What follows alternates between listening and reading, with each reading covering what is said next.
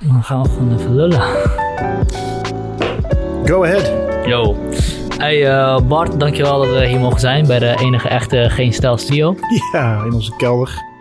Corona Café was het toch tegenwoordig? Wat is het ook alweer? Het, het heet nu Chips, Nootjes, Bier, maar het heette eerst Corona Café. Dat zijn we begonnen toen de kroegen dichtgingen en uh, wij onze podcastplannen eindelijk uh, bijna noodgedwongen uitgevoerd zagen worden. We hadden al lange plannen en uh, mijn uitgever die zei, ja, nou ja, als we toch nergens heen kunnen, dan kunnen we beter dit beginnen. Hmm. En toen hebben we het ook om die reden Corona Café genoemd, want de cafés waren dicht, maar bij ons kon je nog in het café. En uh, toen corona wat minder prominent in het nieuws werd en het ergste gevaar ook wel geweken leek, wilden we ook weer van die naam af, want iedereen was natuurlijk het woord beu. Ja, ja. En nu heet het chips, nootjes, bier. En is het naar een andere avond gegaan, maar het concept is in principe hetzelfde. Gewoon anderhalf uur ouwe hoeren met een gast. Samen, Tom Staal presenteert, ik zit erbij. En, en dan wekelijks een andere gast. Ja, leuk. Um, ik zal even kort vertellen hoe we elkaar ontmoet hebben en, en, en waarom ik dacht dat een gesprek met jou leuk zou zijn of ook interessant. Wederom Twitter, zoals uh, heel veel van de laatste podcasts, die, van mensen die die, ik, die ik interview. En ik had natuurlijk geen stijl al, ik kende het al, uh, ik gaf er niet echt veel aandacht aan. Uh, maar en, en ons, ons eerste gesprek die we hadden, net voordat de lockdown begon, moest ik eigenlijk toegeven dat mijn, uh, dat mijn negatieve perceptie over geen stijl toch veel meer te maken had met gewoon een gevoel of een smaak of gewoon een idee. Dus ik wist er niet echt veel van. En het was gewoon van, ik dacht gewoon van, ah, dit is hier heb ik niks aan, dit is niks. Dus, um, maar toch, heel veel mensen kijken ernaar, heel veel mensen luisteren het, heel veel mensen lezen het. Dus ik dacht, nou, er moet misschien iets, iets achter zitten. En we hadden via Twitter ook wel eens wat interacties gehad. En toen dacht, ik, nou, misschien is het toch best interessant om eens daar een gesprek over te hebben. Om te kijken wat jullie, hoe jullie jezelf zien in het medialandschap. Want daar zijn jullie best wel een unieke, uh, unieke speler in. Um, en zo kwamen we op een gesprek. Uh, hadden we, hadden we dronken een kop koffie hier. Nee, waar was het nou? Ergens in Amsterdam in ieder geval. Café Cobalt. Als ik Café Cobalt, inderdaad, ja. En sindsdien ben ik wat meer gaan opletten. En wat ik eigenlijk vooral zie, wat ik denk van dat echt doorschemert, is dat geen stijl. In ons eerste gesprek hadden we het erover, het is een beetje, het is nogal counterculture. Maar wat geen stijl, in ieder geval waar, waar ik denk jij echt een hekel aan hebt, zijn oneerlijke verhalen. Of tenminste, verhalen waarvan jij denkt dat hier iets oneerlijks verteld wordt. Ja, want mijn definitie van eerlijk is natuurlijk niet de norm van wat eerlijk of oneerlijk is. Maar dus ja, ja, ik denk dat je daar wel een punt hebt. Ja. Ik trek er heel erg op dingen die in mijn ogen oneerlijk of irrationeel zijn. En daar sla ik hard op aan vaak. Ja. ja, voordat we daarover dieper op ingaan, vertel gewoon kort het verhaal van Geen Stijl of de geschiedenis of waar je vandaan komt. Voor de mensen die, net als ik, er geen aandacht aan besteden. Nou ja, er zijn, uh, wat je zegt, er zijn inderdaad veel mensen die Geen Stijl lezen. Het bestaat ook al uh, 17,5 jaar, sinds begin 2003. Ik zit er zelf sinds begin 2011 bij, dus uh, ongeveer de helft van de levensduur, zo gezegd. En er zijn heel veel mensen die het lezen, er zijn meer mensen die het niet lezen. En daarvan zijn er inderdaad vrij veel die bij de naam of de titel een soort negatieve connotatie hebben, zonder dat ze het eigenlijk zelf lezen. Uh, en Geen Stijl is een weblog wat geboren is vanuit het internet en volgens mij nog steeds ademt wat het internet zou moeten zijn, namelijk direct, uh, hyperbolisch, maar ook met een zekere eerlijkheid en een ja, vanuit een vrijheid van meningsuiting gedreven uh, passie. Is dat het goede woord voor het publieke debat? Misschien, ja. Laten we hem erin houden. en dat, uh, dat was altijd onderdeel, of in ieder geval is ooit begonnen door een paar journalisten die hun ei ook elders kwijt wilden en potentie in het internet zagen. Is op een gegeven moment eerst deels en later helemaal opgekocht door de Telegraaf Mediagroep. Totdat die zelf in 2017 weer opgekocht werd door het Belgische Mediahuis. Hmm. En een jaar later wilden ze van ons af, want wij pasten niet in hun format. En ze zijn daar rigoureus aan het bezuinigen. De boel uh, terug aan het brengen tot een, uh, een, een, een krantenredactie met een drukkerij eigenlijk, basically. En daar pasten wij niet in. En toen zijn wij, uh, zij wilden ons verkopen, dat wilden wij zelf niet. En toen heeft de hoofdredactie, dat waren ik en Prit Stift, hebben gezegd, uh, Mark Burma, hebben gezegd, uh, geef het maar aan ons. Wij uh, nemen het wel uit jullie handen en we gaan er zelf iets mee doen. En sinds 1 november 2018 zijn we zelfstandig onafhankelijk met een kleine redactie van 10 man. En, of in ieder geval een klein personeelsbestand van 10 man. Ja. En zeilen we vrolijk verder op een combinatie van leden, donateurs en ouderwetse advertentieinkomsten. En waarom passen jullie niet bij, bij wat het Mediahuis wilde? Omdat die, om twee redenen. Het eerste was gewoon dat zij echt wilden saneren. Ze wilden de Telegraaf redden van of zij wilden de Telegraaf eh, gewoon weer terugbrengen tot een uitgeverij die kranten maakt en nieuws maakt. In plaats van iets wat uitgegroeid was tot iets met een digitale tak, wat ook autobladen maakt en automarkt, een soort automarktplaats had en puzzelboekjes uitgaf en dat soort Mm-hmm. zaken. Dat moest allemaal teruggesneden worden. En uh, als titel en inhoud pasten wij niet binnen de, laten we zeggen, morele filosofie van het Mediahuis. Die vinden ons uh, te ruw, niet, niet glad genoeg, te, nou, te banaal. Was de mediahuis is Belgisch. In België zijn ze altijd iets, in ieder geval aan de oppervlakte, altijd een stuk beleefder, een stuk voorzichtiger. En geen stijl is geen van beide, dus dan is de mismatches snel gelegd. Natuurlijk. Ja. En je zou ook nog iets interessants waar, waarvan je denkt dat je denkt dat de geest van, de, van het internet is direct, met een bepaalde eerlijkheid en hyperbolisch. Ja. Hyperbolisch, waarom? Ja, ja uit, uitgedrukt in stijlvormen. Ik denk dat het, het originele internet was een, een, een vrijplaats voor uh, zowel voor, vooral voor techneuten om, om te beginnen, maar ook voor mensen die, uh, die, die uh, discussies wilden voeren, debat wilden voeren. En dat gaat, als je dat uitgeschreven doet, wordt het al gauw een polemiek. En een polemiek wordt al snel hyperbolisch, wordt, krijgt al snel stelvorm. Maar mm -hmm. als je een punt goed wil maken en je wil ook je lezer enthousiasmeren of erbij betrokken houden, moet je niet gorddroog feiten gaan opsommen alsof je een wetenschappelijk paper schrijft. Maar schrijf je in korte puntige zinnen uh, met stijlvormen als ironie en sarcasme. En uh, ja, welke je maar kan bedenken. Maar vooral ironie en sarcasme zijn de twee die ik graag toepas. En uh, een beetje cynisme af en toe misschien ook. Maar dat is wat mij betreft de essentie van in ieder geval het, het geschreven deel van het internet. Het tekst- en plaatjesgedeelte van het internet. Ja, ja. En tegenwoordig is het misschien wat anders, omdat het vooral nu veel beeld en geluid is op internet. En dan krijgt alles al gauw en snel een andere toon, een andere vorm. Uh, maar de gestel ja. is nog van de oude gedachte, wat mij betreft. Ja, ja. oldschool internet zijn jullie. Ja. Tenminste, zoals je het ziet. Want ik weet niet of hyperbolisch, of ik dat echt bij het internet zou zetten. Ik bedoel, het komt natuurlijk wel heel veel voor op het internet. Maar ik weet niet of dat in de filosofie van het internet zit. Want hyperbol uh, in de filosofie van het internet, of tenminste de grondleggers van het internet, of misschien het begin, de echte, echte techneut inderdaad, die had ook een heel sterk verbindend element, of een verbindende hoop in het internet. Ja, maar, en hyperbolisch is heel sterk, of kan heel, heel snel ertoe leiden dat mensen juist af, afhaken erop. Ja, maar het internet heeft als, uh, als, als basisfactor ook een zekere democratisering van alle geluiden, alle klanken, alle hoeken. Veel minder een, uh, een, een klassenverdeling of een kastenverdeling. En ik denk dat daar uh, de, de vrije uiting van de hyperbol en, en de stijlvorm minimaal net zoveel ruimte had of kreeg of hoort te hebben als andere vormen. Maar ik snap wat je bedoelt. Het is, uh, dat is natuurlijk ook een reden waarom geen stijl bij veel mensen een negatieve bijklank heeft. Is omdat heel veel mensen helemaal niet overweg kunnen met dat soort hyperbolen. Ja. En ook helemaal niet op zoek zijn naar zo'n manier van communiceren of naar zo'n manier van, van uh, consumeren van wat er op internet te vinden of te lezen is. Uh, dus ik denk dat zeker de laatste tien jaar, waarin uh, de oude media zogezegd de inafslag naar het internet allemaal wel gemaakt hebben.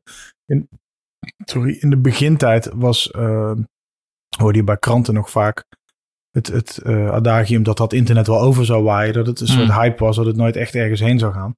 En het duurde even dat ze doorkregen van ja, wacht even, dat internet gaat echt nooit meer weg. We kunnen beter aansluiting vinden daar. En dat hebben ze gedaan, maar zij hebben hun eigen oud-mediale morris, zo gezegd, meegenomen naar het internet. Dus allemaal een beetje beschaafd gehouden, beleefd gehouden, heel fatsoenlijk gehouden. Binnen bepaalde kaders van nee, wat zij de code van Bordeaux of de journalistieke regels noemen. En dat zijn allemaal dingen die, waar geen stel juist heel wars van is en een beetje haaks, haaks ja. op staat. Omdat wij veel vrijere vormen ambiëren.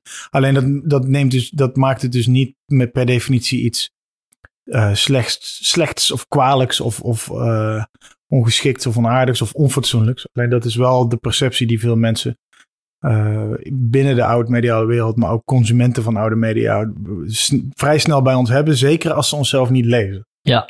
ja, dat snap ik volledig. En als ik sommige dingen lees van jullie ook, dan vind ik het ook juist heel wel, juist verfrissend ook. Ik bedoel, heel veel dingen niet, uh, maar bepaalde dingen lees ik en dan denk ik van, wat chill om dit gewoon op deze manier te lezen. Waar gewoon iemand doorheen schemert en wat niet met zo'n krampachtige correctheid geschreven is. Dat, dat, Wat niet betekent dat ik soms denk, nou, maar dat de inhoud niet klopt. Maar ja, dat is natuurlijk, daar ben je bij de Volkskrant ook niet beter af. Dat, daar klopt de inhoud ook niet altijd.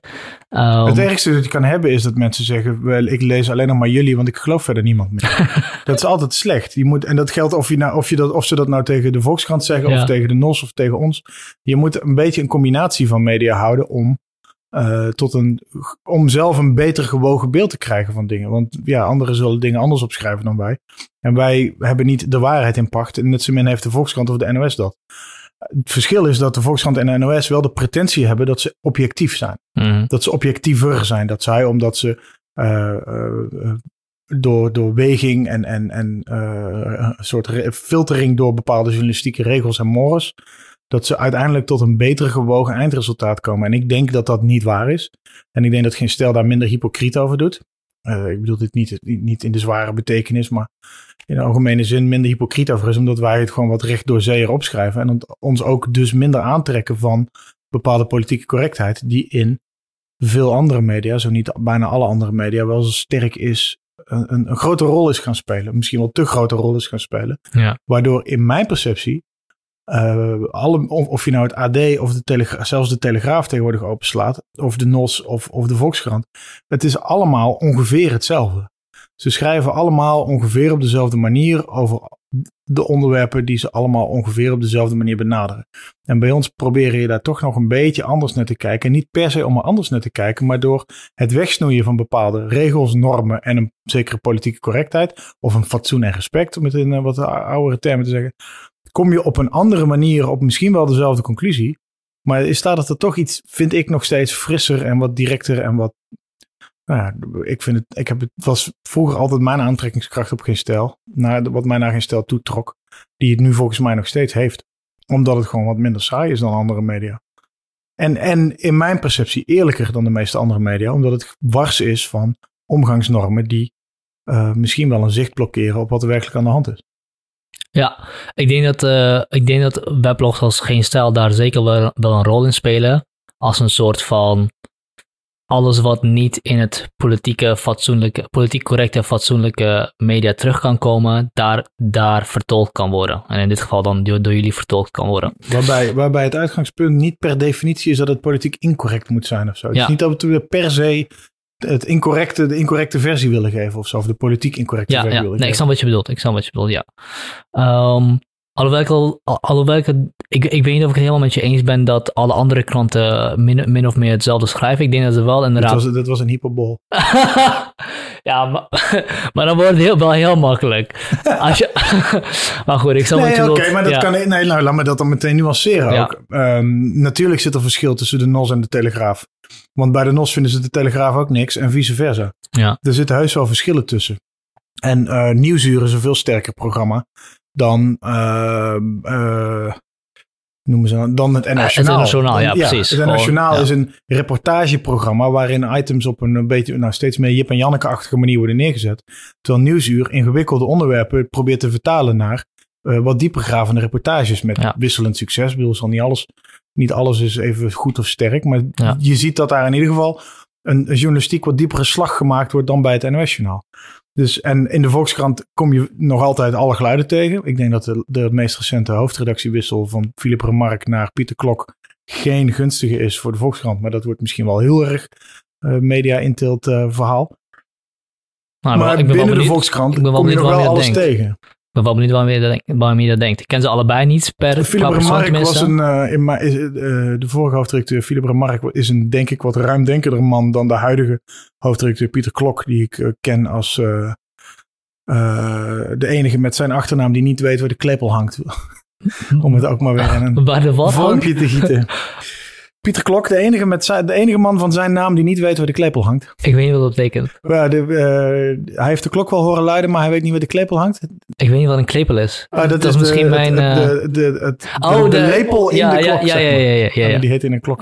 De Nederlandse uitdrukking. En waarom? Waarom denk je dat?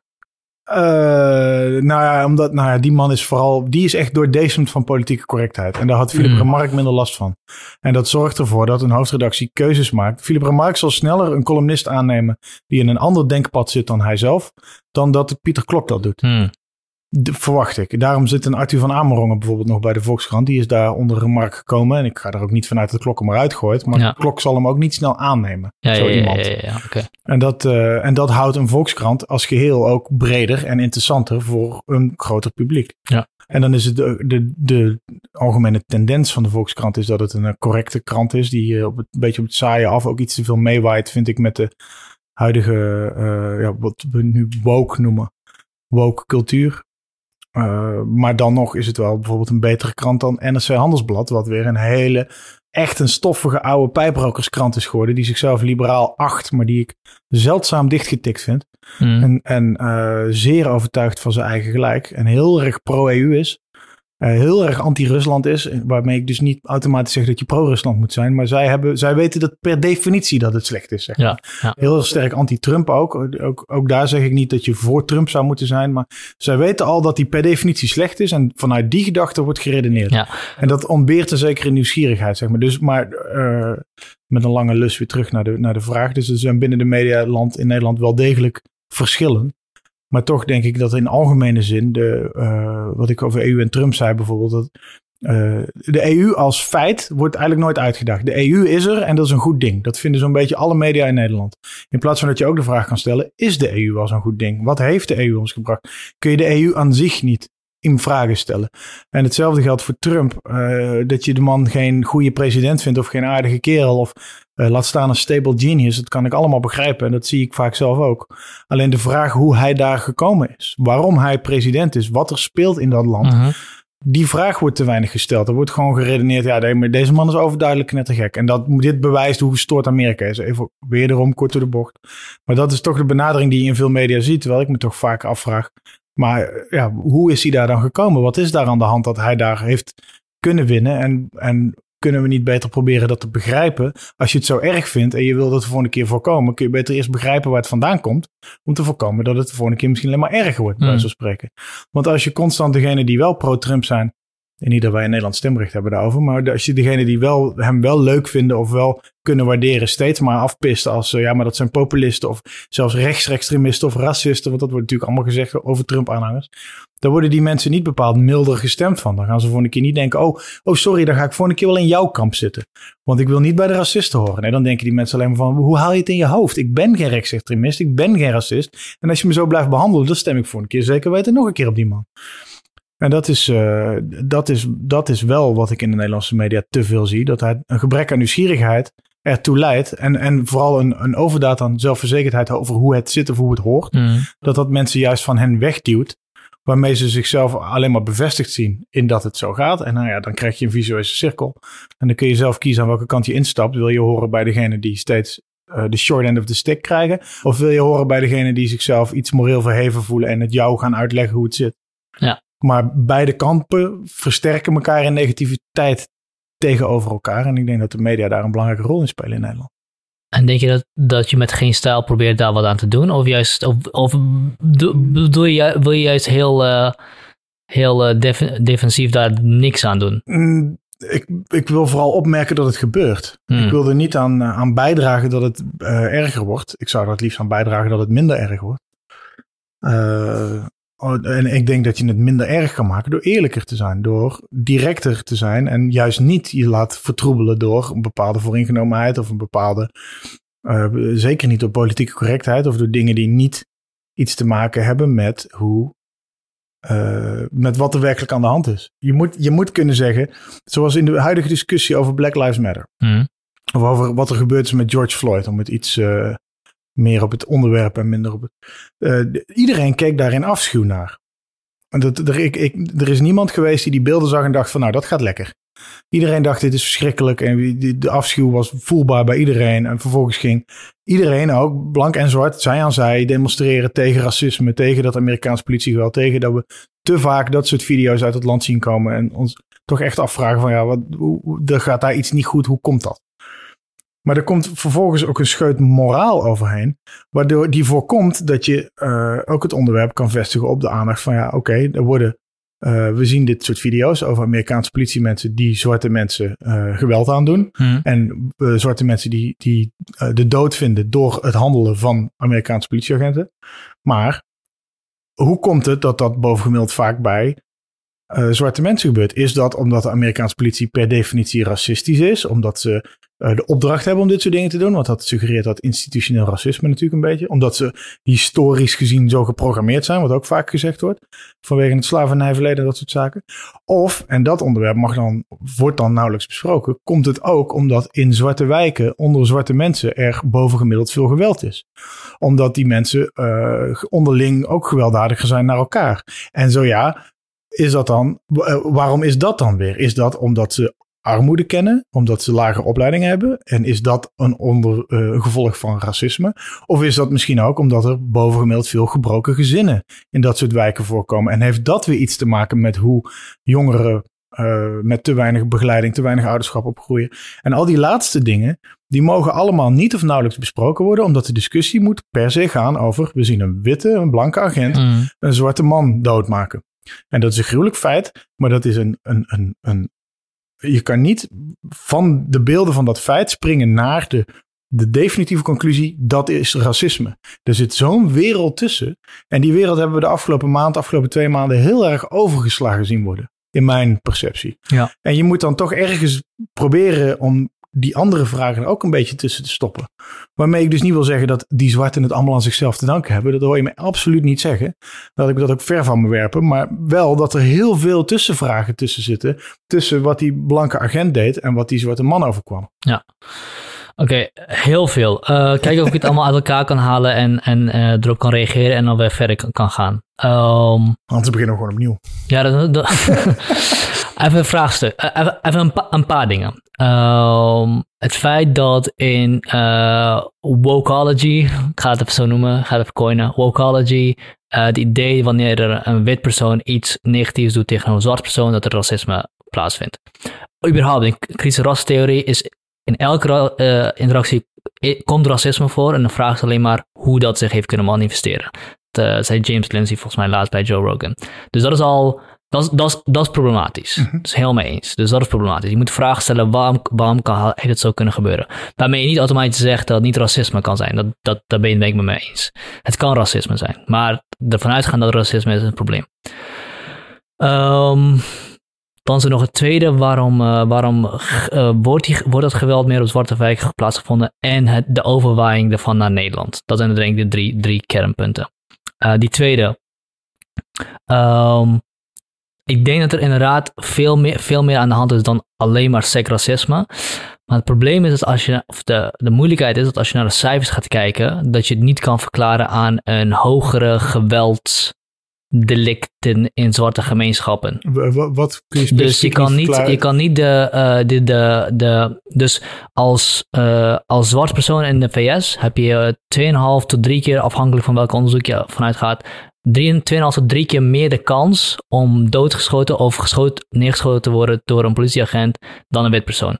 Uh, maar een wit persoon of een zwart persoon heeft niet, komt niet vaker in aanraking met de politie op een gewelddadige manier of met wapens en al dat iets dergelijks.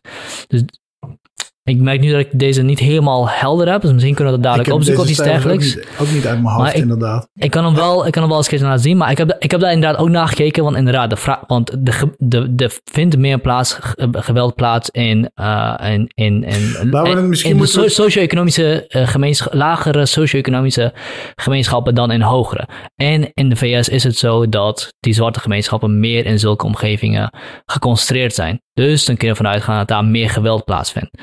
Um, maar het, is dus blijkbaar niet zo dat meer zwarte mensen die in aanraking komen met politiegeweld uh, gewelddadig zijn of wapens hebben gehad dan bij witte mensen. Misschien moeten we hem iets algemener houden, uh, omdat mijn punt vooral ging over het feit dat op het moment dat we die video zagen over George Floyd en, en Derek Chauvin, dat de conclusie racisme bijna onmiddellijk getrokken werd. En dat uh, alles wat die conclusie probeerde uit te dagen, of probeerde te nuanceren, of probeerde daar vragen bij te stellen, Ja. dat dat eigenlijk per definitie werd weggewimpeld. Ja. Ook even los van hoe de cijfers zijn en hoe de feiten exact liggen, maar dat uh, uh, randvragen of omstandigheidsvragen ook. Bijvoorbeeld op het moment dat die Chauvin uh, een einde maakt aan het leven van George Floyd, doet het er niet toe wat Floyd precies gedaan heeft. Die agent had hem onder controle, hij lag geboeid met zijn, op, met zijn buik op de grond, met zijn hand op zijn rug geboeid. Er was geen enkele reden om die knie daar te houden. Hij had op kunnen staan, die man van de grond kunnen rapen en in een Mhm. politieauto kunnen zetten. Ongeacht, als, al had hij daarvoor net tien mensen doodgeschoten. Dat doet er niet toe. Je zet hem in een politieauto, je brengt hem naar de gevangenis en daarna kan het recht zijn beloop hebben. Mhm. Desalniettemin moet wel de vraag gesteld worden hoe uh, Floyd in de positie terechtkwam dat hij überhaupt moest worden aangehouden. Daar zit ook een voorgeschiedenis, gaat er aan vooraf. Ook dat, dus ook zeggen van de man had een uh, een, een, lang strafblad, was onder invloed van bepaalde van diverse zware drugs, had geprobeerd te betalen met vals geld. Uh, dat wordt afgeschilderd als victim blaming. Dat ja, begrijp ik. Nee, als je dat gaat doen, dan ja, ben je aan victim blaming. Maar laat ik, ik dan even een wedervraag stellen. Wat had die man kunnen doen? Wat had Floyd gedaan kunnen hebben dat rechtvaardig was om acht minuten, bijna negen minuten zijn, en zijn knie ja, op niks zijn dus, niks dus uiteindelijk. Dus, Alleen dat, dus dat, snap, dat, dat nee, maakt nog steeds geen algemeen, racisme van het motief van die agent. Niet per definitie. Helemaal, helemaal mee eens. Helemaal mee eens. Maar hier komt nog een andere moeilijkheid op. Dat inderdaad het moeilijk gemaakt wordt of het, of het zeg maar gemoraliseerd wordt om die vraag überhaupt te stellen. Maar er zit ook een punt, in dit specifieke geval zit er ook een punt achter. Of wel, wel, toch wel een punt achter. Want namelijk, er is niks wat die man had gedaan had kunnen hebben, waardoor het gerechtvaardig was het negen minuten lang zijn daarom, knie. Maar daarom was de, uh, wat dus dan vervolgens ook een vorm van nuance is, is dat op het moment dat wij die video zagen wereldwijd, hmm. was iedereen in afschuw daarover. Er was niemand die zei, goed zo, weer eentje minder of zoiets. Iedereen was in afschuw, blank, zwart, alles ertussenin. Iedereen dacht van, ja, wat, wat gebeurt hier nou? De manier waarop die Chauvin naar die mensen keek, die stond te filmen met zo'n blik in zijn ogen van wie doet me wat. Dat, die ene hand in die broekzak die hij had, dat, dat vond ik het meest misselijke detail. Dat hij daar Ja. zo casual, gewoon één, één hand zo in zijn broekzak Ja. en dan die knie naar beneden met zo'n blik van ja, wie doet mij wat? Kijk, Ja. kijk eens wie hier de baas is, beetje zo. Dat impliceert een zekere, s- zekere superioriteit straalt daaruit. En daar komt heel sterk dat racisme motief of het vermoeden van een racistisch motief vandaan. En dat begrijp ik heel goed. En, maar eh, iedereen sloeg daarop aan. Het is niet zo dat het, het blanke deel der westerse wereldbevolking zei van ja, wij zijn ook beter, dus terecht dat dit, eh, dit is de goede verhouding, zo hoort dit. Nee, iedereen was zwaar eh, ondaan hierover en zwaar de- behoorlijk emotioneel en fel en sterke afschuw uitspreken. Een paar weken later zag je die man die bij dat Wendy's restaurant werd neergeschoten. Kwam ook een filmpje van. Was een man die in zijn auto zat. dronken in zijn auto Ja. zat. En die werd eh, eerst ondervraagd. En daarna zouden ze hem arrest, wilden ze hem arresteren. En dan kun je eigenlijk afvragen, waar mag je al niet eens meer dronken in je eigen auto zitten. Zolang je niet rijdt. Is het, maar goed, in Amerika zijn ze daar wat puriteinser in. En wat die man vervolgens deed, was het, eh, de taser van de agent afpakken en het op een rennen zetten. Ja. Vervolgens ook nog omdraaien en die taser op een agent gebruiken. Dan geef Ja. je een Amerikaans politieman drie redenen om in ieder geval zijn wapen te trekken. eh, Waarvan de derde reden ook nog een goede reden is om te schieten in Ja. Amerika binnen hun. En er werd even een soort van. eh, heel even leidde er zo'n gevoel op van. Oh, daar gaan, we, daar gaan we weer. Nog één. Nog één. Maar vervolgens zag je dat iedereen die die video zag. toch dacht van ja, het, is, het zit toch net even anders. Deze man had. Je, had je, je kan je afvragen waarom hij gearresteerd moest worden voor dronken in je auto zitten. Maar de handelingen die hij vervolgens zelf deed. die leidden er wel toe dat het afliep zoals het afliep. Ja. Dan, ook dan kun je nog vragen: moet je hem dan meteen doodschieten? Nee, natuurlijk niet. Je kan beter op zijn benen schieten of liefst helemaal niet schieten. Ja. Maar dat is nou helemaal gebeurd. Maar daar, in dit filmpje was wel. eh, de publiek- publieke reactie hierop was een stuk. Eigenlijk ook een stuk genuanceerder. Van ja, oké, maar dit is een, een, een samenloop van verschillende omstandigheden. Waarbij racisme dus niet meteen als impliciet Ja. eh, motief werd genoemd. Wat was het punt van het verhaal? Nou, dat het. eh, eh, dat het Ja, wat we hadden over hadden was dat die vraag überhaupt stellen al problematisch is. Ja, terwijl, terwijl de, de, de, de verbroedering die. Want vervolgens zitten we, zitten we nu al wekenlang in een, in een, in een racisme-discussie. die eerder lijkt, ook eerder lijkt te, mensen uit elkaar lijkt te drijven. dan nader tot elkaar lijkt te brengen. Terwijl de initiële afschuw over die video van George Floyd. die was breed gedeeld door iedereen. Die zou, die zou je ook kunnen gebruiken als een pleidooi. als een op zichzelf staand pleidooi tegen racisme. Omdat iedereen het Mhm. verwierp. En vervolgens wordt het toch gebruikt als een totempaal, als een, als een grote strijdvlag om het racisme te gaan bestrijden. Waarbij je vervolgens ziet dat er eh, eh, dat de vertaalslag wordt gemaakt van de Amerikaanse sociale situatie, die eh, in de verschillen tussen arm en rijk en, en welvarend en niet welvarend en vooruitgekomen, niet vooruitgekomen, veel groter is dan hier in Nederland. Waar, waarmee niet gezegd is dat die verschillen in Nederland niet bestaan, maar wel echt aantoonbaar kleiner zijn dan in Mhm. Nederland. En dan wordt wordt er met zo'n vlag rondgelopen alsof hier ook het racisme, het institutioneel racisme bestreden moet worden. En dat blijkt dan vervolgens lastig te vinden. In ieder geval niet institutioneel. Als je in Nederland openlijk en hardop iets racistisch zegt, of laat staan iets racistisch doet, en je doet dat publiekelijk, is gewoon einde oefening. Dan is gewoon je carrière voorbij. Als Jeroen Pauw in zijn talkshow eh, iets, iets, eh, iets zwaar beladen negatiefs over Surinaamse Nederlanders zegt, en dat ook lijkt te menen, ik ga niet geen letterlijke voorbeelden op camera geven, want dan heb ik het straks weer gedaan, maar eh, dan is het gewoon einde carrière. Dan zit hij de week later niet meer aan die talkshowtafel. Want dan zegt heel Nederland van ja, maar wacht even. Je gaat, toch geen, je gaat die racist het programma toch niet laten presenteren. Dus Maar, het racisme ja, dat in Nederland... Jeroen Pauw misschien wel, maar... En ik bedoel, ik ben er niet voor om mensen te cancelen op tv als ze verkeerde dingen zeggen. Maar ik bedoel, eh Johan Derks heeft jarenlang dingen gezegd die Niet racistisch niet door de zijn. beugel kunnen. Nee, nee, Ja. ik ben het met je eens. Niet, niet racistisch zijn. Of ja, Nou ja, maar oké, kunnen, maar, kunnen we discussiëren. Maar, maar, maar dan krijg je dus dat als je Maar zo is- hard gaat zoeken naar een zeker racisme in Nederland, dan ga je het uiteindelijk vinden bij Johan Derksen die een wat flauwe grap maakt over Aquasi of die al dan niet als Zwarte Piet verkleed zou zijn. En dat zou dan een soort van bewijs zijn van, ja, zie je wel, Nederland is ook racistisch. En dat eindigt dan in een oproep tot advertentieboycott en een heleboel heisa en die drie mannen die... eh, Ja, die ons allemaal. Ik ben het helemaal met je eens. Ik ben helemaal met je eens. Maar is wa- vo- waar ik het over heb is... Ik bedoel, het is niet de eerste Maar dat keer dat hebben die... de media wel zwaar mee aangejaagd. Ja, Eén. Facebook-post, één Facebook-post of Instagram-post van Arie Boomsma is genoeg om een, om een advertentieboycott op gang te schoppen. Waar alle media die gaan zich daaraan wagen en allemaal gaan ze dan naar die adverteerders bellen. En wat doen jullie? En hoe denken jullie over racisme? Ja, natuurlijk zijn ze tegen racisme. En als dan de vervolgvraag is, ja, maar waarom adverteer je dan bij dat programma? Nou, dan heb je een of ander marketingmeisje aan de telefoon. Die heeft heel dat programma niet gezien. Die heeft die grap niet gehoord. Die krijgt een soort out of context. Ja, ze zeiden dit en dat. Oeh, ja, dat kan echt niet. Is dan het enige wat je kan zeggen. Nou, vervolgens trekken ze die advertenties terug. Het wordt allemaal opgeblazen en uit zijn verband vertrokken. En het moment dat het kwaad allemaal al lang geschied is, zegt Arie Boomsma in een interview. Ja, natuurlijk is Johan Derks geen racist. Ik denk, lul, had dan gewoon twee weken geleden je bek gehouden. En al de Laten we- media hadden ook gewoon zelf dat filmpje moeten beoordelen. En moeten zeggen... en moeten zeggen, Arie Boomsma die, eh, die beweert dit. Maar ja, goed, als je naar de filmpje kijkt, dan kun je ook best concluderen dat het allemaal wel meevalt. Je kan een, een grap vinden die niet leuk is of zo. Maar om het nou meteen als racisme te Voordat we branden. nog meer media-intilt gaan plegen hier. Ja, dit was een vrij publieke discussie. ja, ja.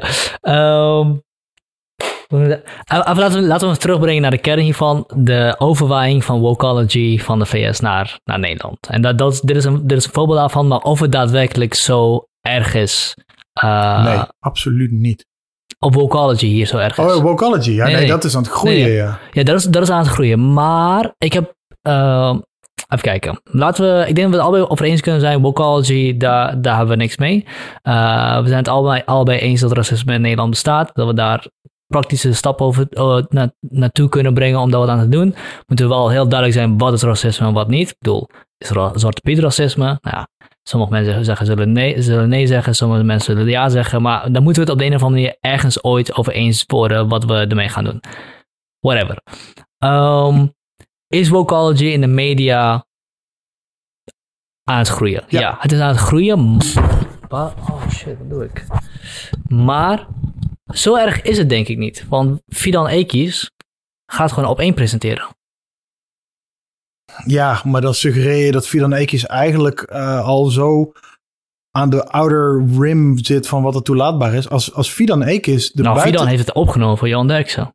Ja, maar als dat, dus, als dat dan kennelijk al het, het, het maximale is wat we kunnen bereiken, dan is A, Fidan Ekis de enige op de Nederlandse tv die dat deed. En twee, wat deed ze nou werkelijk anders dan gewoon rationeel een paar feiten op een rijtje zetten en de vraag stellen, was dit eigenlijk wel racistisch? Waarbij Ja, ze maar- vervolgens ook zei, Ja, ja, maar rationeel feiten op een rij zetten is al, gaat al in tegen Vocology. Ja, dus kan je dus concluderen dat het al heel ver doorgecijpeld is. Want als je, als je als argument aan moet voeren van ja, maar Fidan Ekis kan toch gewoon op één presenteren? Ja, gelukkig wel. Maar als je dat al beschouwt Sorry, als... eh, ze gaat eh, de wereld... Nee, De, ja, de nieuwe wereld de wereld Door. gaat ze presenteren, ja. Maar als, je, als, je, als dat kennelijk al op de rand van het betamelijke zit, omdat ze het ook voor Johan Derksen opnam, ja, dan denk ik, dan, dan hebben we die rand echt veel te dicht bij ons gehaald. Nou, maar ik, ik ben niet aan het zeggen dat, dat zij op de rand zit. Nee, ik. Ben, ik, ben haar, ik ben haar aan, aan voorbeeld noemen, want er zijn blijkbaar mensen die beslissingen maken op de NPO, Ja, ja. die, eh, zoals, Waarschijnlijk zoals was- zeggen, niet doordrenkt zijn van, eh van Vocology en het prima vinden om, om iemand zoals haar op een positie te zetten waar ze elke avond voor de Nederlandse buis te zien is. Ja, waarschijnlijk was die beslissing natuurlijk al gemaakt voordat zij, die, eh, voordat zij het voor Arie je kan altijd een beslissing terugtrekken. Ja, dat klopt. Eh, Maar dat zou, als ze dat op dit moment gedaan hadden, dan hadden, want Ivan Ekis kreeg ontzettend veel bijval op het moment dat ze Arie Boomsma, of eh, ja, Arie Boomsma aanviel en Johan Derksen verdedigde. Kreeg ze heel veel bijval op. Dus als de NPO op zo'n moment zegt, ja, maar wij willen dat niet als presentator, dan had de NPO natuurlijk ook weer heel veel over zich heen gehad. En de NPO moet een beetje loopt een beetje op zijn tenen, omdat die bang zijn dat er bezuinigd wordt. Ze strijden tegen bezuinigingen, tegen voorgenomen bezuinigingen. Op het moment dat als de publieke opinie zich verder tegen de NPO keert, komen bezuinigingen ook weer dichterbij. Wat dat betreft hadden ze voor mij Ja. Fidan Ekis best terug mogen trekken, want er mag best wat geld weg uit dat eh, mediapark. maar, eh, Maar dan... maar het feit maar dat ze haar daar neerzetten, dat, dat betekent nog niet dat het verder niet overal in doordringt en door, doordrongen is. Dat het eh, alleen al het feit dat, dat bijna van de ene op de dag het woord blank in de ban is gedaan en vervangen is door wit door bijna alle omroepen en in bijna alle kranten, geeft wel aan dat er niet zoveel voor nodig was om mensen een bepaald setje in een politiek correcte richting te geven. Niet dat ik nou per se die blank-wit discussie wil voeren, maar dat is een heel goed voorbeeld van. Van de ene op de andere dag waren mensen die, dachten, die blank wakker werden, gingen wit naar bed s'avonds. Ineens moest dat, werd, dat, werd dat omgekeerd. En je ziet het ook in hoe. eh, er- worden gewoon. Zo'n Jerry Afri en, en die kick uit Zwarte Piet.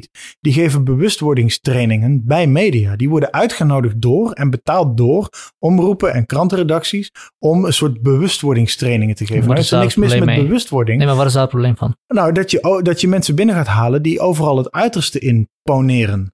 Die, die, die steeds maar die, die, die, eh, die per definitie van mening zijn dat Nederland een institutioneel racistisch land is. Wat het gewoon niet is. Heeft Jerry dat gezegd? Eh, ja, en sowieso heeft Sylvana het gezegd. Sowieso die kick-out Zwarte Piet, mensen die daarin en omheen zitten, die gebruiken dat soort terminologie. Institutioneel racisme. En eh, die, die, die, die beïnvloeden daarmee hoe een redactie denkt en opereert. En die maken een redactie. Eh, nou, die leggen eigenlijk gewoon die leggen een doos eieren op de grond en die zeggen ga hier maar overheen lopen. En dan ben je, doe je het goed, dan doe je het voorzichtig. En ik vind dat een, een negatieve beïnvloeding, omdat het, omdat het eh, als dat binnen een redactie, als de, als de directie of de hoofdredactie besluit, we gaan die inhuren en we gaan zo'n training geven en zo, dan krijgt de rest van de. Wacht, misschien een wat beter voorbeeld is die Divi-bokaal, die laatste Hmm. over de NOS. Het was een scoop van, niet omdat het een scoop van geen stijl was, maar omdat het een heel goed voorbeeld is. Eh, dat, die hadden dus een, een wisselbeker op de redactie voor de items waar de meeste diversiteit in zat. Ja. Dus de meeste mensen met een zowel een andere etnische achtergrond of huidskleur als ook eh, bepaalde eh, als er gehandicapten in zaten of zo. Nou, op zich een nobel streven om je, om je items divers te maken. Maar op het moment dat je dat gaat koppelen aan een prijs, als je gaat belonen, als je een item gaat belonen omdat daar de meeste donkere mensen in zitten of de meeste vrouwen in zitten, dan wordt het toch een beetje iffy. Want dan ga je mensen aansporen om juist om naar huidskleur te kijken. Niet om een divers item te maken of om de beste persoon over het onderwerp aan het woord te laten. Mhm. Het was ook gekoppeld aan een DV-base, waarin mensen dus geregistreerd stonden. Er staat in Dries De baas van ras en dergelijke. eigenaar van een, eh, een schoonheidssalon en een eh, koffiebarretje. Ja. En, en eh, de- dan was hun... Dat mag volgens mij ook helemaal niet, hè? Nee, nee, en ze hadden ook de kolom etniciteit, heette ook niet etniciteit, maar diversiteit. Alsof, alsof dus... Jij, jij, Hoe jij kwamen bent, jullie überhaupt, aan die... Sorry, wat ben ik? Jij bent een Iraanse Nederlander, toch? Eh, Koerdisch. Koerdisch. Ja, maar uit Irak, ja. Oh, sorry. Koerdisch Ira- Nederlands. Bad. Maar jij zou dus als diversiteit Koerdisch of diversiteit Irakees hebben. Ik vind het best hoor. Ja, nee, maar, ik bedoel, nee, maar dit- maar het, is, het is alleen maar een verkrachting Het van, is van terminologie natuurlijk. want het is, je etniciteit. Ja, ja, het is etniciteit inderdaad, maar het is heel fijn om eh, woorden te gebruiken die iets anders betekenen dan ze betekenen alleen maar omdat ze goed klinken. Ja, Vinden ze en- blijkbaar. En omdat ze dan kennelijk zichzelf eh, een beetje voor de gek konden houden, dat ze iets aan het Ja. registreren waren waarvan artikel 1 van de grondwet zegt dat er eigenlijk helemaal niet mag. En waar, wat mij het eigenlijk het meeste. Ik bedoel, ik snap de moeilijkheid van hey, je wilt meer diversiteit, maar dan moet je gaan registreren eigenlijk, want dat maakt het wel beter. Dus ik snap de moeilijkheid ik, en, en ik vind, vond het echt onzin. Ik vond vooral die toon belerend. Ja, ja. die toon het in is- die mails, zo van, Ja. oh goed gedaan. Jullie hebben een vrouw gevonden die met een hoofddoek die gewoon goed Nederlands kan ja, praten. Ja, ja. Jullie jullie kwamen op een beursvloer van mannen en daar daar vonden je een, niet alleen een vrouw, maar ook nog een vrouw met een andere afkomst. En ze was knap en ze kon leuk praten. Alsof, alsof daar de verrassing in zit. Van niet Ja. alleen hebben ze een andere kleur, maar verdomd, ze hebben daar een wilde gevonden die gewoon Nederlands spreken. En dan, en dan zelf niet in de gaten hebben hoe verschrikkelijk betuttelend dat is. Ja. Terwijl ze tegelijkertijd hun redactie opleggen eh, eh, en stimuleren om wel te kijken naar afkomst, herkomst, geslacht, etniciteit. In plaats van naar wij maken een journalistiek item over dit onderwerp. Wat zijn daar de vragen bij? Wie kun je daar het beste over aan het woord laten? En dat maakt het zo vervelend en frustrerend dat er. Wat niet betekent dat etniciteit dan niet een goed, eh goed Nee, categorie niet. kan Want als je een item maakt over, weet ik veel, de koning van Marokko bezoekt Nederland. Ja, dan wil je natuurlijk Marokkaanse Nederlanders aan het woord laten over hun verhouding tot de koning. En ook daar moet je dan diversiteit in zoeken. Namelijk, Ja. dan zoek je iemand die helemaal fan is van de koning. En je zoekt iemand die zegt, ja, maar deze koning, daar vinden we niks, want Dat mocht niet. noem maar een paar re- redenen. En het- hetzelfde moet je doen als je eh, een onderwerp maakt over. Nou ja, goed, maakt niet uit wat voor onderwerp je maakt. Als je een onderwerp maakt over een bepaalde ziekte, zorg dan dat je iemand aan het woord laat die die ziekte heeft. Als je een onderwerp maakt over een bepaald eh, economisch probleem, zorg dan dat je eh, iemand aan het woord laat Ja. die verstand heeft van het economisch probleem. Hoe en kwamen kijk jullie naar überhaupt- huidskleur. Hoe kwamen jullie überhaupt aan die database? Eh, ja, via via. Maar dat was iemand die zelf op het Mediapark werkt. Die gewoon wilde dat het naar buiten kwam. Omdat het al bijna een half jaar, dus in november vorig jaar zijn ze ermee begonnen. En het was tot die tijd helemaal stilgebleven. Terwijl in een, in, in een gezonde journalistieke organisatie zou er meteen iemand moeten zijn die zou zeggen, ja, maar dit gaan we toch niet doen zeker. En op het moment dat het wel gebeurt, dat het, ja, nou ja, deze persoon wilde dat het naar buiten kwam. En waarom bij jullie? Eh, ik denk omdat, eh, ik, ik, ik- dat weet ik dus niet, want ik heb eh, zelf geen direct contact gehad met die persoon. Het is via iemand gegaan die ik goed ken en goed vertrouw. En het was ook verifieerbare informatie, dus het was, eh, ik wist gewoon dat het klopt, het, wat, we binnen hadden. Maar ik, ik mag graag denken dat ze naar ons kwamen, omdat als je naar een ander mee, stel dat ze het aan AD hadden gegeven, daar zitten ze ook een beetje met dat soort gedachten te, van we moeten meer diversiteit. Dan was het niet zo eerlijk naar buiten gekomen. Wij hebben het gewoon opgeschreven wat het was en laten zien wat het was en gewoon onomwonden. Van dit doen ze. Kijk, dit zijn een paar interne mails Ja. en dit, zijn, eh, dit is een, een screenshot van die Divi-base en dit is hoe, hoe dat systeem werkt. En dit zijn zelfs een dingetje met wat interne bezwaren waren, omdat er dus gelukkig ook bleek uit die informatie dat er intern wel mensen kritisch waren Ja. geweest.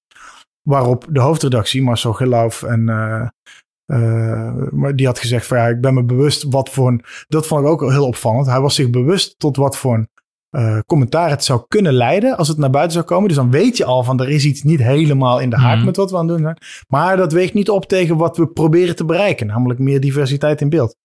Ja, ik vraag me af Nou, dat, is wat tegen- er, dat is wat er gebeurt wanneer je mensen incentives geeft. geeft. In een, van die, in een van die mails, in een van die mails eh, waarin de wekelijkse nominaties werden bekendgemaakt, stond een zinnetje over: eh, wij- Dit is de eerste inzending van stagiairs. Goed om te zien dat zij ook dit eh, oppakken. En ik dacht, ja, maar dit, dit is ook weer een kip-ei verhaal. Want doen die stagiairs dat omdat ze overtuigd zijn dat, ze, dat het heel goed is om die diversiteits eh, issues erin te verwerken. En om, of omdat ze graag die bokaal willen winnen. Of doen ze dat omdat ze bij een nieuwsorganisatie werken die dit als norm heeft neergelegd. Ja. Als je stagiair bent en je komt in een bepaalde bedrijfscultuur, dan ga je je aanpassen aan die bedrijfscultuur. Want je bent een stagiair en je kan niks en je weet niks en je doet maar gewoon wat de baas je verteld heeft. Mhm. Want dan mag je misschien blijven en anders krijg je straks een onvoldoende of mag je daarna niet terugkomen als je er zou willen werken.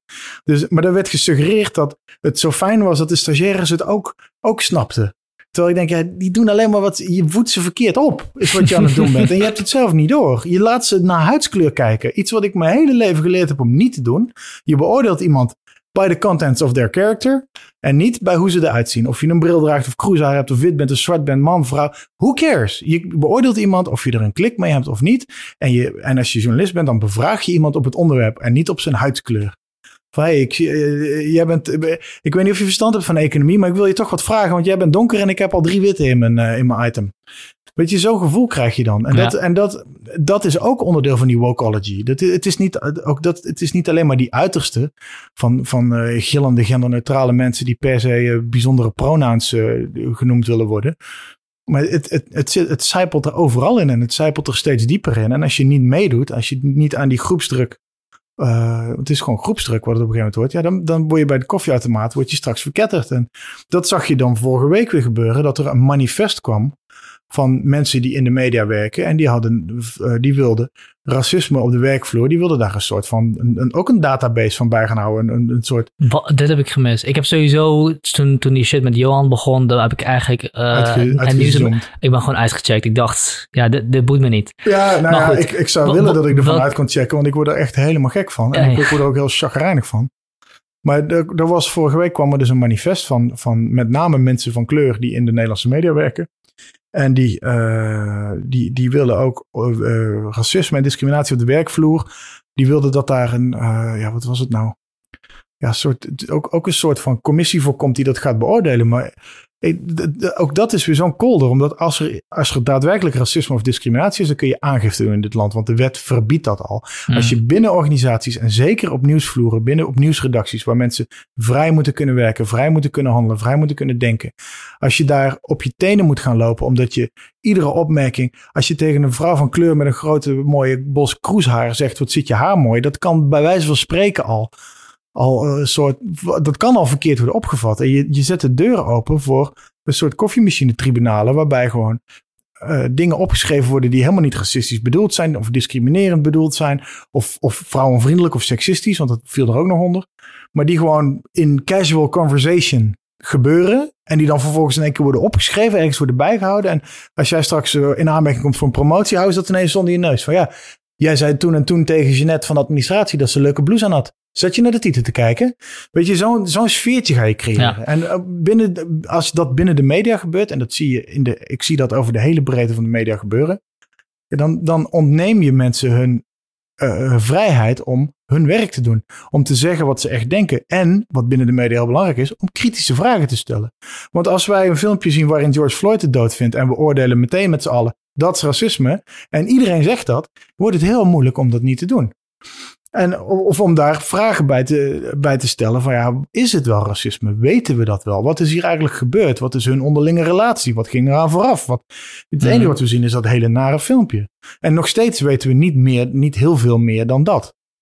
Mhm. En eh, ja, ik, ik, mijn, mijn persoonlijke vermoeden is overigens dat het wel eh, een zeker racistisch motief had. Want de manier waarop hij, wat, wat ik net zei, hoe die het doet, daar is iets mee. Ja, en dat zag ja. ook iedereen. Even Maar- eh, terug over dat eh onbedoelde racisme, want daar zit een, daar zit een moeilijkheid in.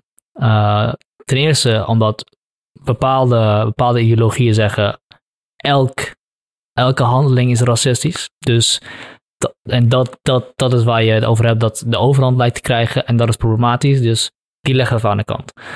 Wat overigens niet wil zeggen dat er niet onbedoeld racisme kan zijn. Of dat er geen onbedoeld discriminatie plaats kan vinden. Dus dat is de tegenhanger van ik kijk alleen maar naar character. Dat er, en ik heb het niet over implicit bias of die testen, die, die leg ik ook allemaal aan de kant. Maar er kunnen gewoon er kunnen zeker vooroordelen zijn die bestaan, die je niet doorhebt. Dat kan gewoon. Om dan te zeggen dat elke interactie die, eh, of elke instituut die leidt tot verschillen in ras, of elke interactie die ehm, De suggestie van de suggestie van racisme of discriminatie wekt, dat dat racisme of discriminatie is, Dat, is weer een ander. dat is wel wat, ja, dat is wat Wokology doet. En dat, en dat wat ik, wil- wat ik wil zeggen is, eh, je, moet, je moet heel erg uitkijken in deze kwesties, dat je de, het, het concept van dat, dat er echt gewoon onbedoelde discriminatie plaatsvindt, niet, niet, je, moet, je moet de baby niet met het badwater eruit gooien, dat is wat ik bedoel. En dat Is- is die moeilijkheid wat je constant elkaar moet trekken. is wel een Want de meeste mensen, want de meeste mensen zijn op deze rationele tour. Alleen het, het wordt in de media of het wordt in bepaalde plekken wordt, wordt het zeg maar samengemorst. En niet iedereen heeft ook in de gaten dat het samengemorst Ja, wordt. ja. Niet, iedereen heeft in de gaten, niet iedereen heeft in de gaten wat, dat wanneer eh, bepaalde mensen het over racisme hebben, ze daadwerkelijk bedoelen vers- verschillen in uitkomsten per ras en niet daadwerkelijk racisme. Ja, dat is ook de media, de, de, in, binnen de mediabubbel natuurlijk de eigen bias. Dat, we, dat, dat wij in de media, en daar valt geen stel in dit geval ook onder, eh, bovengemiddeld veel bezig zijn met maatschappelijke onderwerpen en met eh, wat er dagelijks gebeurt en met de effecten van wat er dagelijks gebeurt. Terwijl Mhm. eh, zo'n George Floyd video had dan een heel groot bereik natuurlijk. Dat rimpelt heel ver naar buiten. Heel veel mensen krijgen dat te zien. Zoals eh, een, even een volkomen niet met ras en huidskleur ge- gerelateerd onderwerp. Corona ook iets is wat niet Mhm. binnen media blijft, maar echt heel ver daarbuiten zijpelt. Terwijl bijvoorbeeld zo'n toeslagenaffaire. Dat is eh, relatief groot geworden, dat belastingverhaal.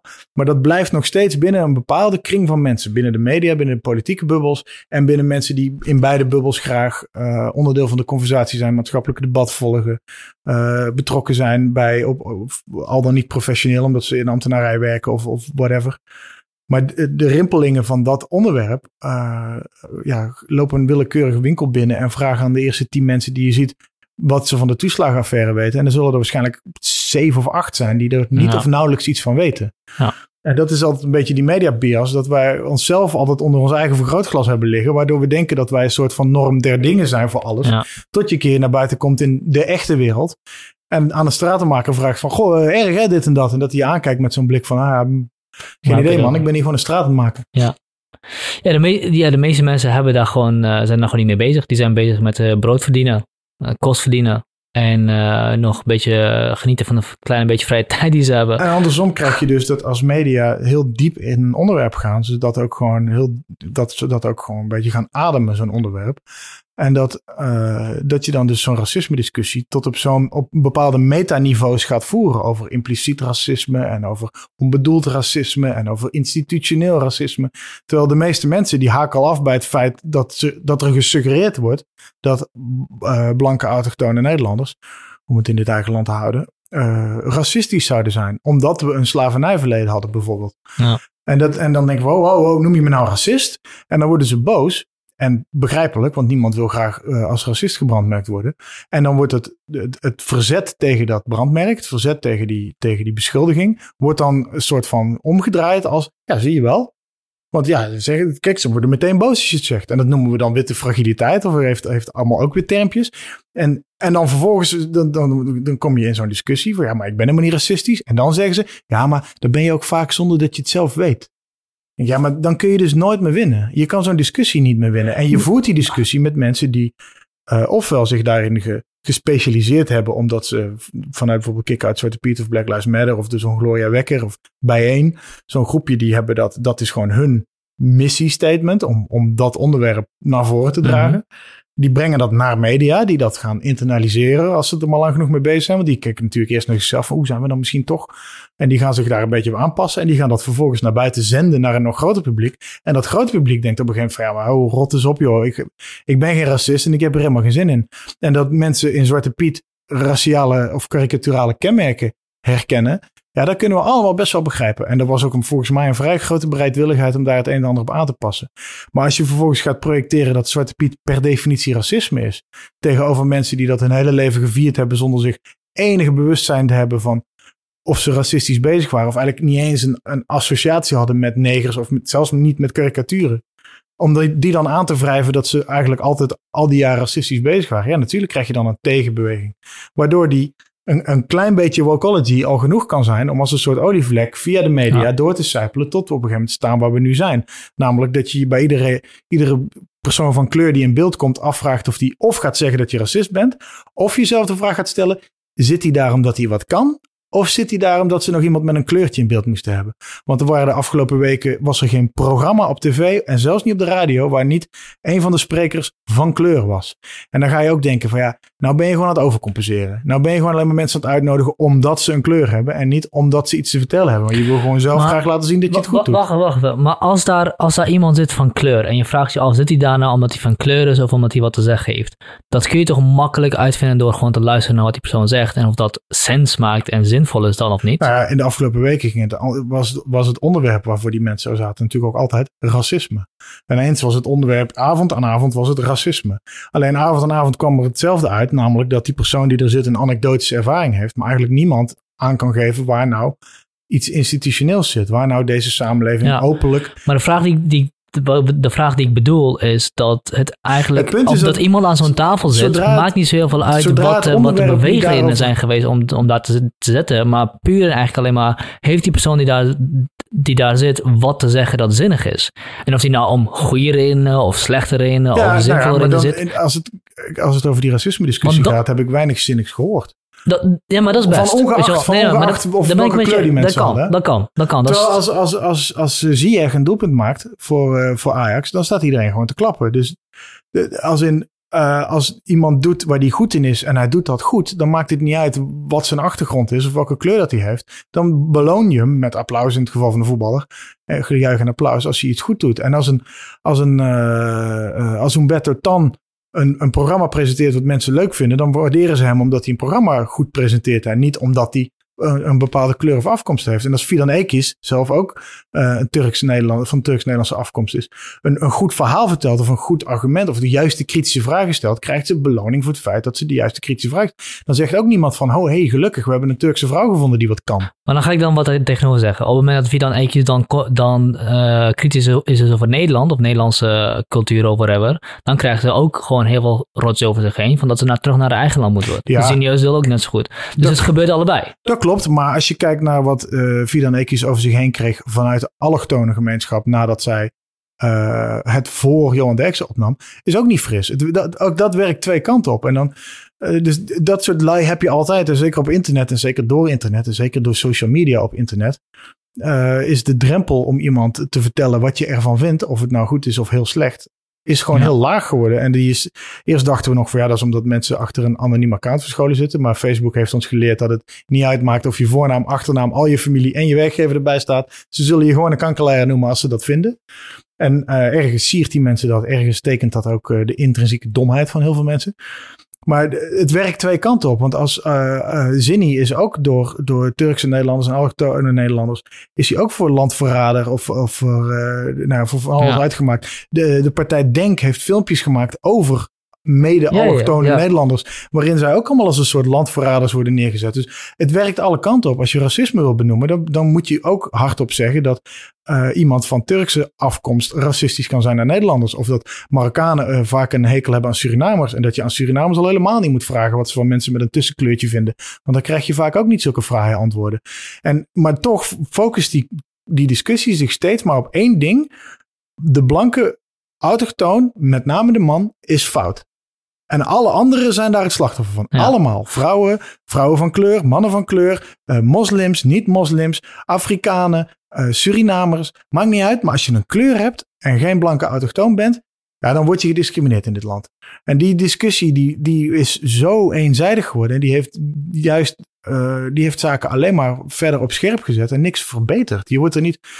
Ik weet niet of jij in de afgelopen keer, ik bedoel, jij eh, bent ook niet van origine Nederlandse, eh, Hmm. van Nederlandse afkomst. Je hebt ongetwijfeld te maken gehad in jouw leven in Nederland met onaardigheden die mogelijk te herleiden zijn naar jouw eigen afkomst. Mhm. Eh, heb je, is er in de afgelopen weken iets gebeurd waardoor je dacht, het heeft misschien rechtstreeks in de, met Ja. deze discussie te maken Ik snap, ik snap de vraag die, die je wil stellen. Is Nederland door en door racistisch en wordt mijn leven getekend door racistische... Nou, ik, nee, ik, vraag me, uitlatingen. op- ik vraag me nu gewoon Ja. ter plekke Nee. oprecht af of je in de afgelopen weken het idee hebt dat er... een- nee, ik denk het niet. Ik moet even denken hoor, afgelopen week. Nee, ik denk het niet. En in algemene zin? Nou, weet je... Ik geloof zonder, zonder enig voorbeeld, zonder enige Ja. anekdote, geloof ik op voorhand dat jij dingen meegemaakt Ja, hebt ja, waarvan nee. je denkt van ja, Ja, klopt. Nou, dat is er. Dat, dat Ja. is onmiskenbaar. laat, laten, we, laten we heel even... Ik, ik, ik ga je vraag beantwoorden, maar laat ik eerst even teruggaan naar alles wat je net zei. Eh, en, Eh, en sorry, ik kan en- nogal ja. ratelen. dat maakt niet uit. Maar ehm, Dit onderwerp zit me heel hoog. ik zal je zeggen, ehm, dit onderwerp toen het net opkwam, was voor het eerst dat ik me eigenlijk zorgen maakte in Nederland. Eh, en niet zozeer van dat ik dacht Black Lives Matter of Wokeology gaat overnemen, maar meer hoe het debat op scherp gesteld werd. En omdat we tegelijkertijd ook een eh, hele sterke groep nationaal conservatieven hebben die tegenstand willen bieden. En dat die twee elkaar versterken. Dus ik zeg niet dat de een slecht is dan de ander, maar doordat die dingen op elkaar schelp gaan staan, gaan mensen... Nou ja, je komt uiteindelijk in het hoefijzer aan beide kanten. Ja, dus, dat, dus, dus die, die, die samenwerking, dat, dat werd problematisch. Um, ik wil niet te veel over Kick Out Zwarte Piet of uh, Sylvana of Jerry en, en al die mensen hebben, want ze zijn er nu niet bij. Uh, dus dat, je, je, hebt je ding gezegd, prima. Uh, maar ze zijn er nu niet bij en ik vind het lastig om over hun specifiek te gaan oordelen zonder dat ik hun ooit gesproken heb. Um, we kunnen het wel hebben over een ideologie. Bepaalde ideologie, kritische rassen. Nou, ik heb het ook niet over hun persoonlijk. Ik heb het over de uitspraken die ze doen. Over de, over de manier waarop ze zich profileren. En okay. met welke uitspraken ze zich sure. profileren. Sure. Nee, dat is een, dat is een duidelijke, goede verduidelijking. Dan de vraag, heb ik te maken gehad met discriminatie en racisme in Nederland? Zeker. Uh, tuurlijk. Uh, maar zoals uh, Zoël Yassini al zei aan, aan, aan, op de radio, voor elke, discriminatie, voor elke persoon die mij gediscrimineerd heeft, zijn er tien mensen geweest die mij een kans hebben gegeven in Nederland. En ik denk dat dat de juiste, dat is, dat is de juiste verhouding hoe het in Nederland zit. Er vindt discriminatie plaats, er vindt racisme plaats. Er zijn mensen die tegen mij zeggen dat ik terug moet naar mijn eigen land. Maar de gros van de mensen en de meeste mensen zijn mensen die me gewoon uh, uh, behandeld hebben op basis van mijn karakter, wie ik ben. Uh, er zijn onaardigheden geweest, er zijn eigenaardigheden aan het feit dat ik een biculturele Nederlander ben. Uh, een van de dingen is, en het gebeurt nu steeds minder vaak, maar een van de dingen wat heel vaak gebeurde was op het moment dat ik iemand leerde kennen, had ik eigenlijk heel, bijna altijd dezelfde serie vragen en dezelfde volgorde die op me afkwamen. Waar kom je vandaan? ben je in Nederland geboren? Waar ben je geboren? Uh, hoe oud was je toen je hierheen kwam? Spreek je nog Koerisch? Ben je daar wel eens geweest? Dus deze vijf ACO-vragen in die volgorde kwamen op. Spreek je nog Koerisch? Ja, ik spreek nog Koerisch. Conversationeel Koerisch. Um, en terugkomend op dat voorbeeld van die cruisaar. Ik zit er niet altijd op te wachten op die zeven vragen. Net als die, dat, die dame niet altijd zit te wachten op, dat, op die compliment van die cruisaar. Uh, soms zit ik er wel op te wachten, soms vind ik het juist heel leuk. Uh, soms, zit ik niet, soms komt het niet en denk van, hè, hoezo, hoezo ga je me de vraag niet stellen die ik verwacht? Um, soms is het vervelend, soms is het leuk. En ik, kan da ik zou daaruit kunnen afleiden dat Nederlanders racistisch zijn of discriminatorisch zijn, omdat ze mij reduceren tot mijn etniciteit en eigenlijk alleen maar daar vragen over kunnen stellen. Maar, nu kom ik ooit een keertje ook iemand tegen die biologie studeert. En dan vraag ik, oh, hoe lang duurt het al? Ken je die en die? Heb je dit? Heb je dat? Stel ik dezelfde serie vragen die heel logisch zijn om te stellen wanneer ik iemand tegenkom die iets doet of een eigenschap heeft die, waar ik niet mee, veel mee in aanraking ben gekomen. En dat die eigenschap ook dat dus daarom het meest naar voren schiet bij mij. En ik daar het meest geïnteresseerd in ben. Dus ik denk dat, met andere woorden, die vragen kunnen ook uit interesse geboren zijn. Die vragen komen ook uit, uit interesse. Dat, dat, is, dat is het punt. Ze komen uit interesse. Mensen willen dat gewoon graag weten. Maar tegelijkertijd is, is de ervaring voor mij is anders. De ervaring voor mij hangt af van mijn gemoedstoestand, bla bla bla. bla. Mm, nou. Dus je moet, ik denk dat het heel moeilijk is, of het is een far-fetch om daaruit uh, racisme of discriminatie te oordelen. Net als het een far-fetch is om, als je een zwarte vrouw met cruisehaar ziet en dat heel mooi vindt en daar een compliment over geeft, daar discriminatie of racisme uit te oordelen. Maar ik kan begrijpen waarom het voor die vrouw die dat misschien vijf keer per dag krijgt en daar niet altijd zit te wachten, klaar mee is. Ja, maar, dat, maar daar klaar mee zijn maakt het natuurlijk ook niet automatisch racisme. Nee, en ik heb, nee, nee. Ik heb ook wel eens momenten dat ik, ik had het de hele morgen nog op deze verschrikkelijk winderige, regenachtige maandag. Uh, dat de eerste die goedemorgen tegen me zei, dat ik ook dacht, joh, rot op. Omdat je er gewoon geen zin in hebt. Ja. En op een andere dag ben je, denk je, dan zegt iemand goedemorgen. En denk je, ja, het is inderdaad een goedemorgen. Jij ook goedemorgen. En het, het, het, is, het is natuurlijk altijd voor een deel is het stemming bepaald. En het zal ook de toon in waar, waarop iemand de vraag stelt van waar kom je vandaan, kan al heel veel in liggen. Waar kom jij vandaan? Ja. is een hele andere vraag dan waar kom je vandaan? Of simpelweg hoe aardig die persoon vindt. Ja, nee, precies. Je hebt zelf ook een eerste indruk van mensen ja. die, je, die je voor het eerst ziet. En uh, dat, natuurlijk kan dat met uh, impliciete of expliciete vooroordelen te maken hebben. Ik ga er niet oneerlijk, ik, ik kan er heel eerlijk over zijn. Als ik hier in Amsterdam fiets en ik fiets bijvoorbeeld in West of in Oost. En ik zie vier of vijf Marokkaanse jongens van tussen de 16 en de 20 met twee scooters. Dan heb ik daar een een, een zeker oordeel bij. Mm. En dat is niet per definitie een positief oordeel. Dan ben ik Mm. een beetje op mijn hoede, op zijn op zijn minst. Zeker als het s'avonds donker stil op straat is. Mm. En ik ben niet bang en ik ben ook niet meteen dat ik, ik ga er ook niet meteen vanuit dat het tuig is of zo. Maar Valt op. die specifieke, zo'n specifiek, als het vijf jonge studentenmeisjes waren in dezelfde leeftijd die daar met een scooter staan, dan denk ik misschien wel Dan was je ook op je hoede, maar op een andere manier. Ja, dan was ik waarschijnlijk een stuk banger geweest. Nee, Maar, maar, ik bedoel, eh, de, de, de- de- en, de- en dan zijn Marokkanen natuurlijk het letterlijke straatvoorbeeld van die, die iedereen zou noemen. Maar als ik een, eh, ja, nee, ja, je- je- maar als ik een oudere blanke vrouw zie lopen, dan, dan denk ik misschien ook wel wat een Gerda, de tegenwoordig populaire term is van, wat een typische ANBB-stel of zo, Ja. fiets daar. Of, dat, hoeft, dat is gewoon op basis van een eerste indruk en die, je brein heeft die switch al gemaakt nog voordat je goed en wel beseft naar wie je kijkt of waar je tegen praat. En soms loop je ergens binnen en dan denk je, oeh, dan wil je iets, weet ik veel, bij een viskarretje bestellen. En denk je, god, die man ziet er chagrijnig uit. En dan blijkt hij ontzettend vriendelijk, heeft gewoon alleen een beetje een nors hoofd. Of andersom, iemand lijkt vriendelijk en doet heel onaardig. Je eerste indruk, wil ik, maar, wil ik maar zeggen, is 9 van de 10 keer niet wat je krijgt op het moment dat je iemand aanspreekt. Alleen de, de totaalervaring van mensen in ANWB-jassen op tourfietsen of van groepjes Marokkanen met scooters, die biedt reden om een bepaalde eh, ja, wat is het? Een bepaalde mal over zo'n groep te leggen. En dat, doe je, dat doet je Dat- hoofd, daar kun je niet zoveel aan doen. ja, maar, maar, daar- maar nu, ben je, nou, nou ben je een argument aan het geven voor, voor die bewustzijnstrainingen eigenlijk. Nee, want op het moment dat je je bewustzijnstrainingen gaat stimuleren vanuit, de, vanuit de, eh, het uitgangspunt dat Nederlanders racistisch zijn en een culturele erfzonde of een koloniale erfzonde dragen, dan ben je ze eigenlijk verkeerd aan het primen. Dan ben je aan het primen dat iedere gedachte die je hebt eigenlijk automatisch fout is. Terwijl dat helemaal niet zo is. Zo'n gedachte is pas fout als ik vijf Marokkaanse jongens zie staan met een scooter en ik denk, hoe dat is tuig. En ze spreken me aan en ze vragen: Hé hey meneer, eh, heb u een vuurtje? En ze zijn allemaal hartstikke aardig en zo. En ik geef ze dat vuurtje en ik loop door en ik denk daarna nog steeds: Wat een tuig. Dan gaat er in mijn hoofd iets mis. Ja. Maar op dat moment, als, als zoiets gebeurt, dan voel ik me. Een praktisch voorbeeld wat me echt gebeurt. Dus ik heb twee honden en ehm, ehm, ik heb een aantal negatieve ervaringen met moslims en honden. Je, ehm, er wordt soms gewoon naar je hond gespuugd en zo. Maar ik maak ook mee. Er zitten er drie of vier van die Marokkaanse gastjes op een bankje in het park.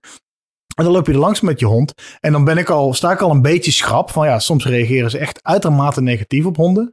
En dan zeggen ze oh, wat een mooie hond, wat een lieve hond, mag ik hem aaien?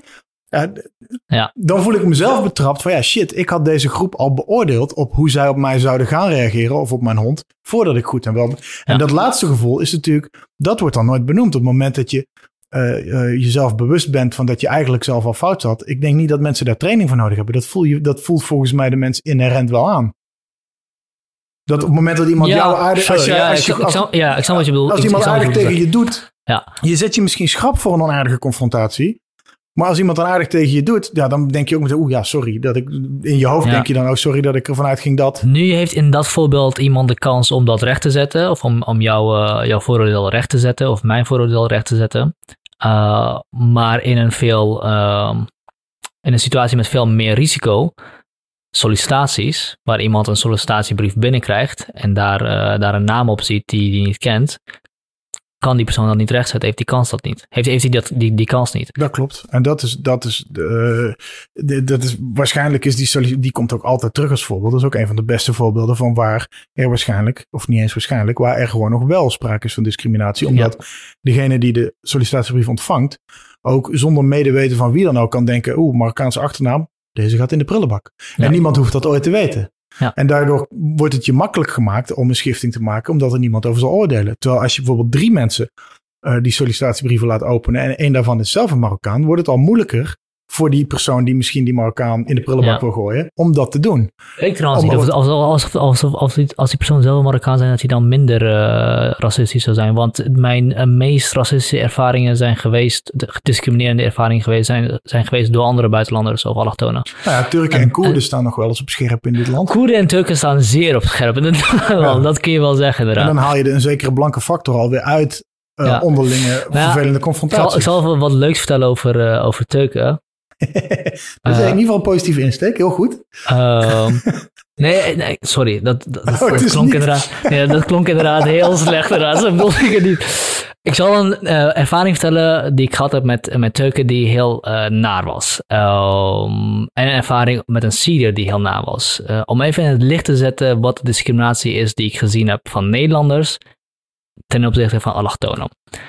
Ik, zat- ik werkte bij de Mediamarkt. Mag ik die naam zeggen? Weet ik niet. Ik heb geen Het idee. is jouw podcast, je Ja? mag zeggen wat je wil. Oh, ja, ik weet niet, ik weet niet hoe die regels zijn. Daar zijn geen regels voor. Pas als je echt, eh, echt NPO-gesubsidieerde programma's gaat maken, moet je oppassen volgens mij. Maar je mag in deze podcast ieder merk noemen dat je wil. Cool. Ik was bij de Mediamarkt en ik eh, werkte voor Samsung. Eh, en ehm, er waren een paar jongens aan het praten en ehm, ze hadden het over hoe Beko een zo'n goede merk was.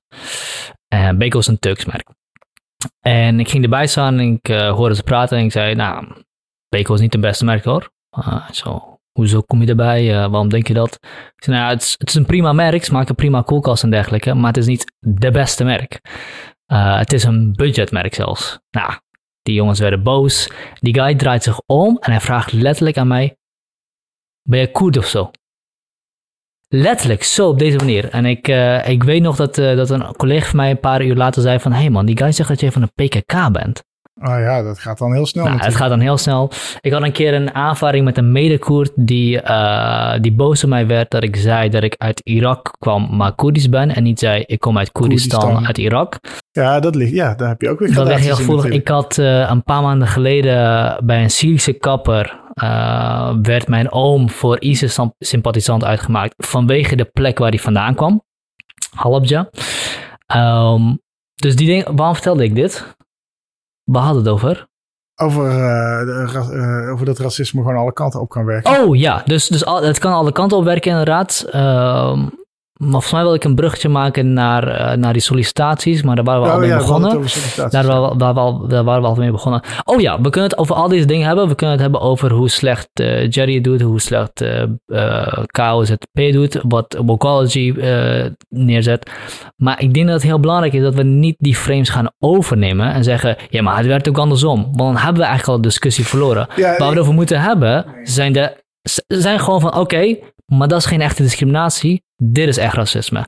Wat gaan we hier tegen doen? Dus sollicitaties en dergelijke. Oh, wat ik wilde zeggen was, uh, waarom, ik, waarom ik dit zei inderdaad, was dat ik niet denk dat als je meer allochtonen in de sollicitatieprocedure zet, dat dat automatisch tot meer allochtone aannames Ja, dat minder... Het aannemen uh, ja, van meer allochtonen. Ja, dat weet ik niet, denk ik niet. Uh, maar, maar dat neemt dus nog steeds niet weg, ongeacht wie de enveloppen opent van de sollicitatiebrieven, dat de, dat de kans op discriminatie daar uh, groter kan zijn, omdat zo'n brief stilletjes weggestopt kan worden. Jij Ja. kan niet, uh, als jij uh, publiekelijk solliciteert, uh, ja, als sollicitatieprocedures voor alle bedrijven publiek zouden zijn, dan zou dat al een stuk moeilijker worden. Dan kun je natuurlijk, natuurlijk nooit die sollicitatieprocedures publiek maken. En ook in de afweging of je een Jantje de Vries of een Marokkaanse achternaam kiest uit de stapel, kan ook te maken hebben met eerdere ervaringen met Jantjes de Vries en Marokkaanse achternamen. Ja. En uh, is het al racisme dat ik niet meteen een Marokkaanse achternaam paraat heb? Het getuigt wel van... Uh, slechte, slechte biculturele ontwikkeling. Van witte privilege, maar... Uh, maar of van nee, heel veel Jantjes de Vries ja, in Nederland. En wat, wat, ik, denk in het algemeen wil zeggen is... Uh, er zijn heel veel mensen die argumenteren op zo'n manier... waardoor het lijkt alsof je door in de modder ingetrokken wordt. En dat bedoel ik niet dat het alleen maar door Bocalzi gedaan wordt... maar het wordt ook door mensen gedaan die zeggen... weet je, zie je wel, er is geen racisme. Het bestaat gewoon niet. En al die, uh, al die, uh, ja, al die ja. zwarten moeten maar gewoon een bek houden. Ja, en dan Dus- heb je je eigen punt alweer ondergraven. En heb je je eigen punt al ondergraven. Maar er is volgens en mij er is bijna niemand die het helemaal ontkent, toch? Ja, er zijn genoeg mensen die het ontkennen. Maar dat zijn... Die, dat, ik bedoel, Nou, institutioneel racisme zou ik wel ontkennen. Tenzij, eh, dat is een lastig, eh, lastig woord. Want, ten, tenzij je eh, solliciteren aan zich als fenomeen een instituut zou noemen of iets institutioneels zou noemen. Maar Het- ik het- denk bij ja. institutioneel denk ik aan wetten, regels Ja. en maatschappelijke mores. Ja. Dus de, de, de wetten en de regels in dit land en de grondwet, et cetera, die sluiten racisme allemaal uit. Er is geen wet of regel in Nederland die racisme mogelijk maakt of faciliteert of aanmoedigt. En er zijn eh, maatschappelijke mores die vrij duidelijk zijn afgebakend dat als jij openlijk iets racistisch doet, wat een paar jaar geleden was er zo'n was er een bedrijf waar een e-mail van uitlekte dat er uit twee mensen gekozen moest worden en dat in die mail stond iets van niet die, niet die, niet die en die, niet die neger of zoiets. ja, En die mail lekte uit. Nou, dat bedrijf is gewoon failliet gegaan. Omdat de publieke outrage daarover was zo groot. Van, ja, maar wacht even. Dit, dit, zo gaan we dus niet Ja. elkaar om. Dus de mores in Nederland, de publieke mores, zijn volgens mij ook gezond. Die ook in, gezond als in eh, inclusief en niet racistisch. En juist openlijk daartegen uitgesproken. Alleen ja, dat, dat onderhuidse, dat op de onzichtbare plekken. Of en in die één op één encounters die mensen met elkaar kunnen hebben, ja, daar kan het zeker wel in voorkomen. Alleen dat, uh, dat solliciteren is een, dat is een reële, dat is volgens mij een heel reëel probleem en ook heel moeilijk op te lossen. Want je kan niet over de schouder van iedere werkgever meekijken. En, en als je dat gaat met quota's gaat compenseren en zo, dan ga je. Ja, het probleem van quota's is dat je. Kijk, het, het gaat er niet om dat er een uh, precieze afspiegeling van een samenleving is. Daar geloof ik niet in. Het gaat erom dat het proces eerlijk is. Ja. En dan kun je alsnog een, een witte redactie hebben of een uh, heel uh, gekleurde redactie.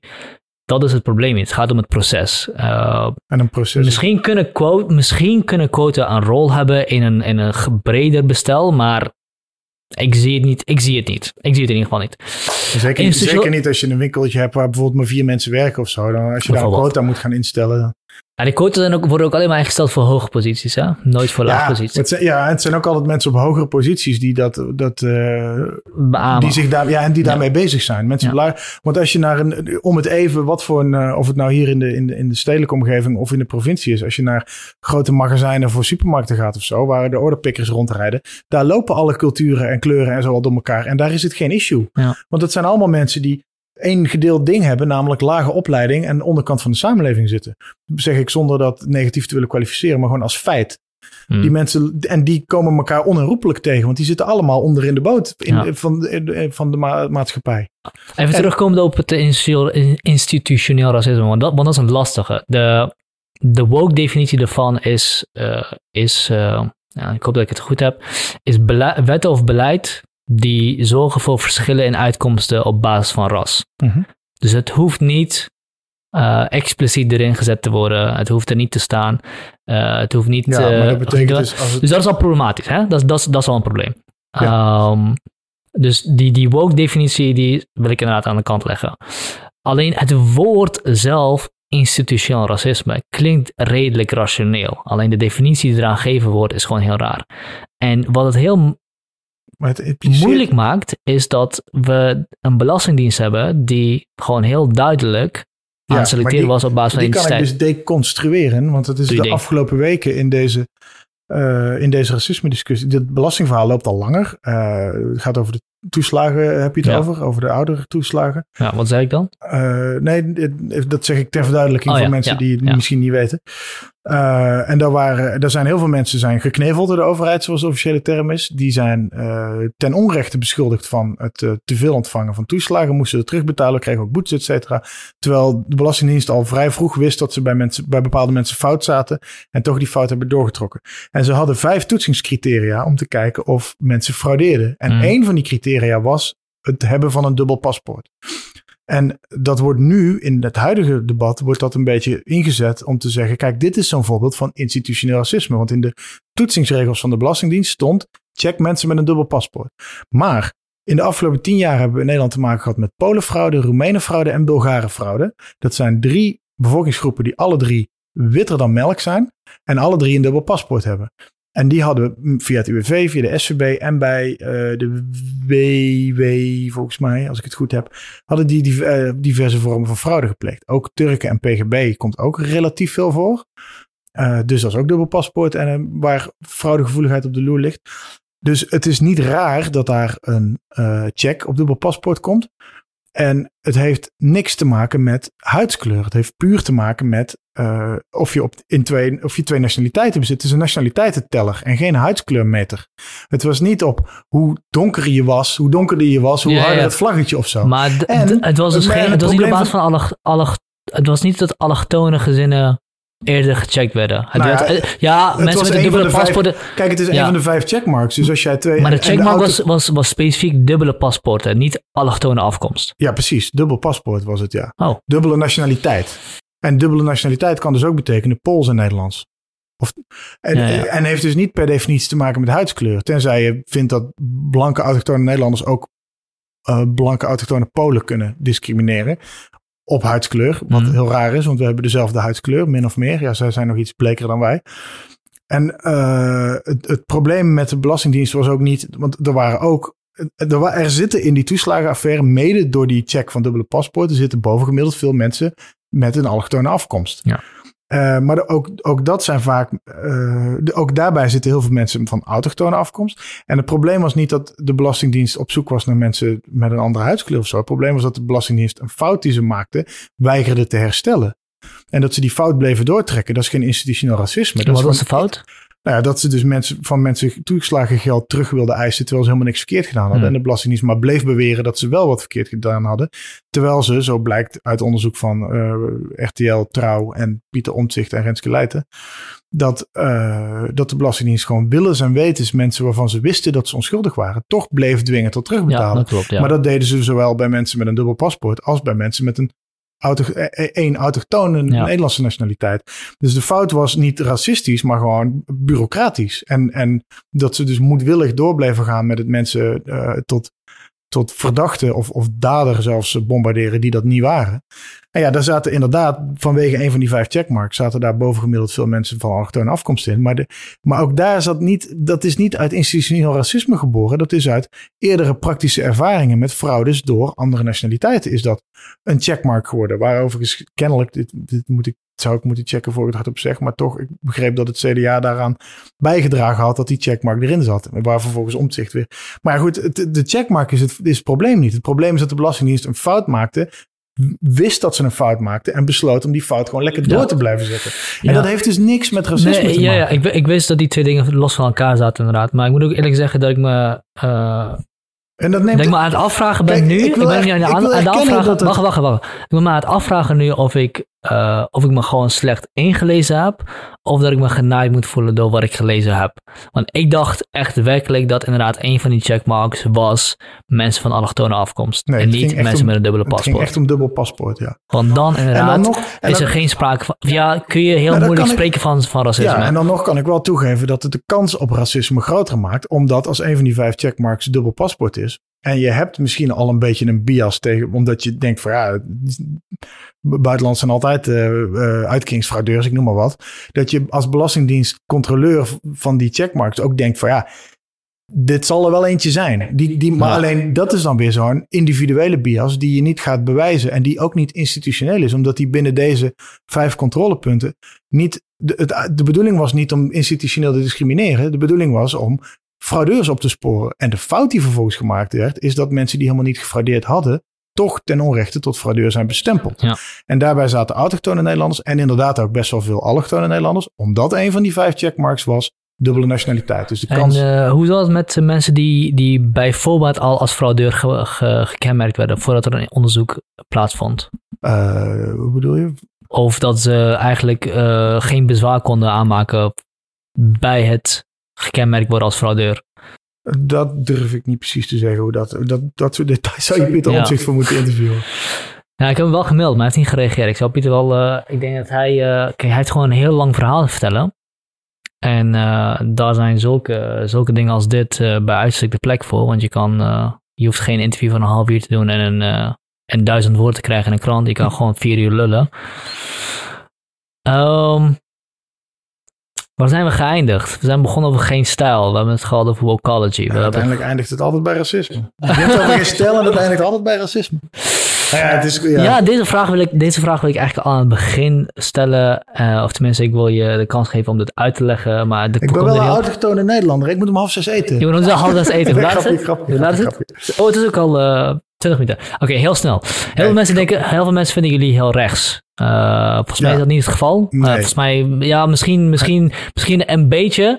Um, hoe zit het ermee en hoe zit het met, uh, met, met de FVD pleidooi dat, dat, je, dat jullie met elkaar iets zouden moeten opbouwen? Ja, die, die, die, op die eerste vraag, geen stel als rechts gezien wordt, dat, is, dat, dat komt volgens mij meer omdat de media veel linkser zijn dan ze zelf denken. Ik denk dat geen stel echt ergens in het midden zit. En dan wel in het onredelijke midden.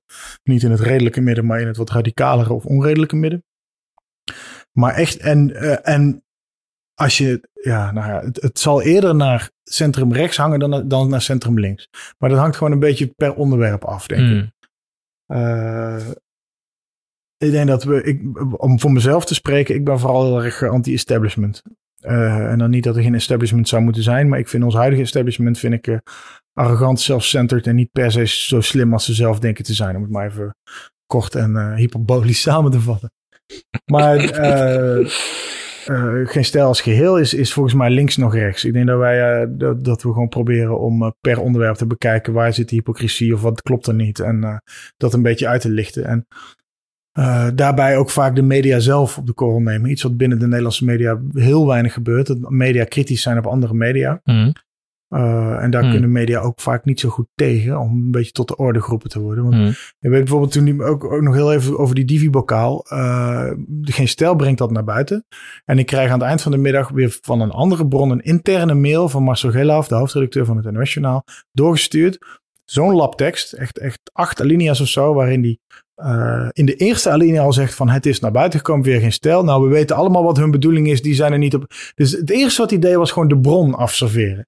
Alsof die hele Divi-bokaal op zijn eigen, alsof wat in het topic stond, wat ik expres heel keurig opgeschreven, gewoon beschrijvend. Van nou, ze hebben dit en ze hebben dat en ze doen zo, ze doen zo. Hier heb je mailtjes, daar heb je een mailtje, hier is wat interne discussie. Allemaal screenshots erbij. Geen waardeoordeel, althans uh, minimaal.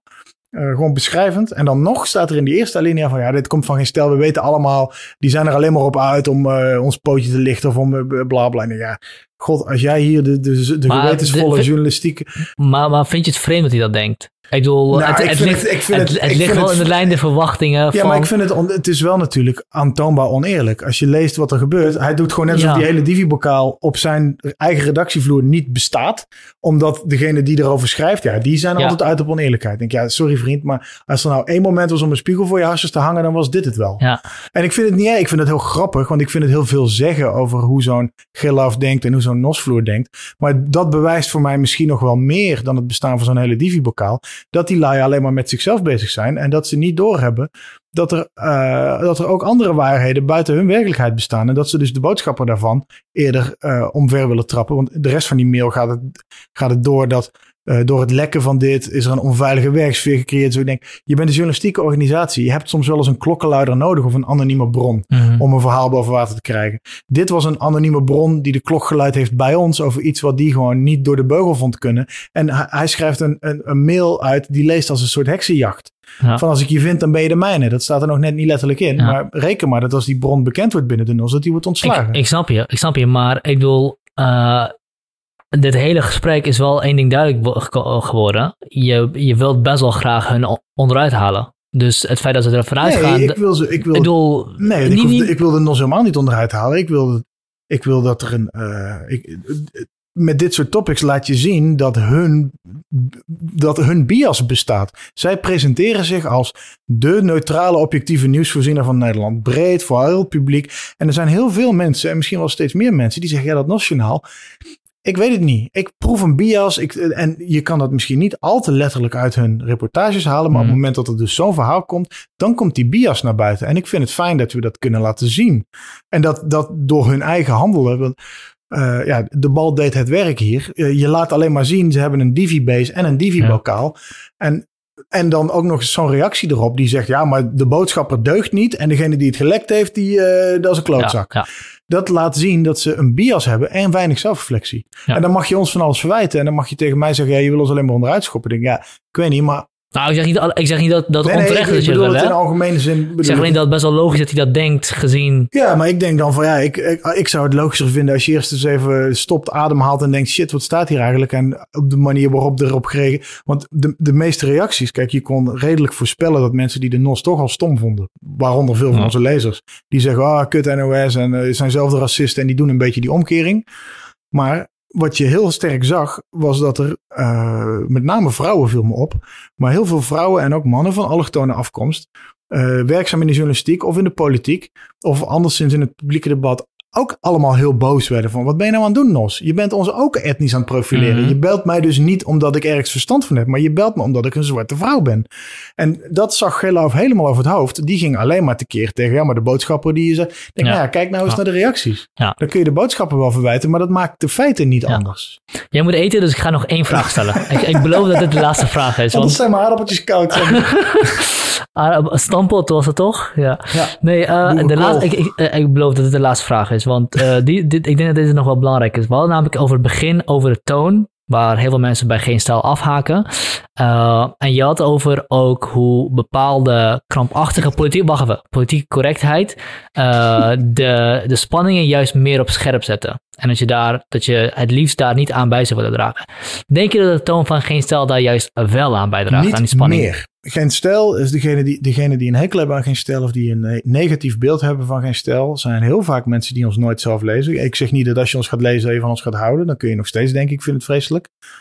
Uh, ik denk wel dat als je het geen stijl van nu vergelijkt met het geen stijl van 10 en zeker het geen stijl van 15 jaar geleden, dat het nu veel inhoudelijker is. Dat het uh, uh, wat scherper op ratio is en wat minder op scoringsdrift. Vroeger was het geen stijl ooit beroemd geworden door allerlei relletjes die, nou, waarvan er een aantal bij zaten die ik zeker nu echt niet meer zou doen of op mijn naam zou willen hebben die ook helemaal niet meer nodig zijn. Ik denk dat... Dan zou je er ook sorry voor zeggen. Sorry, ik wil nou, even, ik, heb, ik wil ja, even Thijs van de Brink nadoen. Met... Nee, ik, ik, uh, ik nee. heb zelf nooit iets... Ja, het is een beetje flauw om te zeggen, maar er zijn dingen op, hebben dingen op geen stel gestaan die ik toen ik ze destijds las, eerste decennium van deze eeuw, die ik fantastisch vond en die ik heel leuk vond. Alleen die ik er nu, die ik nu, die ik zelf nooit geschreven heb. Ja. Dus het is een beetje flauw om te zeggen, ja, mensen die voor mij bij geen stel werkten, die deden dingen die niet door ja. de.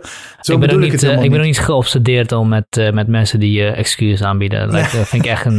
Nee, ja, ik, ga, nee, ik zou sowieso geen excuses aanbieden voor wat er op die site staat. Want alles past in zijn tijdsgeest. En ik vind het juist heel eng dat de tijdsgeest vraagt om het, zoals Little Britain of, of ja. uh, Towers, dat soort dingen. Om, maar uh, terug naar je, naar, wat ik, ja. naar je vraag en naar, naar wat ik wilde antwoorden, is dat uh, het beeld dat mensen van geen stijl hebben, dat mensen die geen stijl niet leuk vinden van geen stijl hebben, is inderdaad nog dat het alleen maar laag trapt of probeert om mensen onderuit te halen of mensen schandpaalt of mensen hinderlijk achtervolgt. Dat, dat doen we allemaal al lang niet meer. En we zijn volgens mij uh, is, is een bepaalde mate van redelijkheid en balans zoeken is bijna een soort nieuw verzet in een tijd waarin de wereld verdeeld wordt tussen enerzijds Trump en anderzijds Guy Verhofstadt in het Europees Parlement. Wat ik echt geen minder beangstigende figuur vind dan Donald Trump door uh, linkse media een beangstigende figuur gevonden wordt.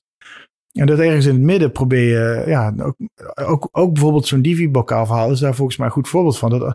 We hadden dat kunnen, Martin Bosma van de PVV, die stelde er kamervragen over. En die vergeleek, in die kamervragen vergeleek hij de NOS met de KKK. En dan denk ik van ja, voor mij mag het. Ik heb er geen moeite mee. En ik denk alleen wel, ja, dan schiet je dus wel je doel een beetje voorbij. Mm. Want welke minister gaat, gaat ja zeggen op, vindt u niet dat de NOS nu eigenlijk net zo, is, net zo erg is als de KKK? Ja, nee, natuurlijk niet. En dat zeg ik ook helemaal niet. En dat denk ik ook helemaal niet. En, dat, en deze vergelijking zou geen stel waarschijnlijk nooit gemaakt hebben. Maar ik had wel het besef dat ik dacht van ja, ik heb dit dus droog en nuchter opgeschreven. En dan is er een politieke partij die, die dat veel polariserender neerlegt. Veel heftiger vergelijkingen ja. maakt. Die ook nog eens nergens op slaat. Waardoor, de, waardoor je de, de kracht van je eigen vraag ondermijnt. Terwijl ik, of geen stijl heeft volgens mij laten zien door gewoon laten zien dat dat ding bestaat, was genoeg om het balletje aan het rollen te krijgen. En het gaat er nu af en toe nog over. En behalve de PVV stelde ook zo HR El Yassini van de VVD stelde vragen. En die ging op de radio in debat met Marcel Geelhoff en die liet hem, wat mij betreft, alle hoeken van de, van de studio zien in dat debat. Dus dat maakt het iets los. En dan komt er een discussie over van ja, wat, wat, wat is nou wel of niet verstandig daarin? Is, is uh, een, een, een, uh, een, een hang of een, een, een, neiging om meer diversiteit te creëren, schraaf je dan ook niet een beetje een valkuil die, waardoor, je tegen, waardoor het tegen je gaat werken, omdat je daar dus jezelf ook mee vereist om mensen etnisch te gaan profileren. Ook al bedoel je het goed, het, is toch, het, het geeft toch een vieze bijsmaak. Ja. En dat hebben we laten zien. En daar hebben we niet over geschreeuwd. En daar hebben we niet over getierd. En daar hebben we Marcel Geloof niet wekenlang mee achtervolgd. We hebben het alleen maar laten zien. En zijn reactie was daar, vond ik, polariserender en, en botter dan hoe wij dat lieten zien. Ik heb die mail gecopy-paste alleen maar boven gezet. Haha. Ook interne mail van Marcel Geloof uitgelekt. Waarin die klaagt over het uitlekken van interne dingen. Want dat is natuurlijk de grootste grap. Ja, die heb ik gezien inderdaad. Dat verhaal vertelt zichzelf. Ja. En dan denk Goed ik, voorbeeld. daar zitten we volgens mij dan, laten we iets zien. En dat is de discussie aan anderen. En wij hebben het alleen maar daar neergelegd. En dat is volgens mij de beste plek waar je nu, waar ik nu zelf het liefst wil zitten. Dat je iets aantoont of iets neerlegt van, nou jongens, uh, we zitten wel met z'n allen in deze discussie, maar als je het nou een beetje zo bekijkt, wat vind je hier dan van? En dan laten de mensen er zelf maar over oordelen. En dat brengt me in één simpel bruggetje naar wat Baudet uh, hier in deze studio oh ja. aan een andere bar, uh, in een andere, iets andere setup, maar in deze studio zei. dat hij van ons verlangde. Van ons is geen stijl, een TPO en de dagelijkse standaard. Online media die als rechts gezien worden. Uh, wat dagelijkse standaard wel is, TPO al minder en geen stijl wat mij betreft niet.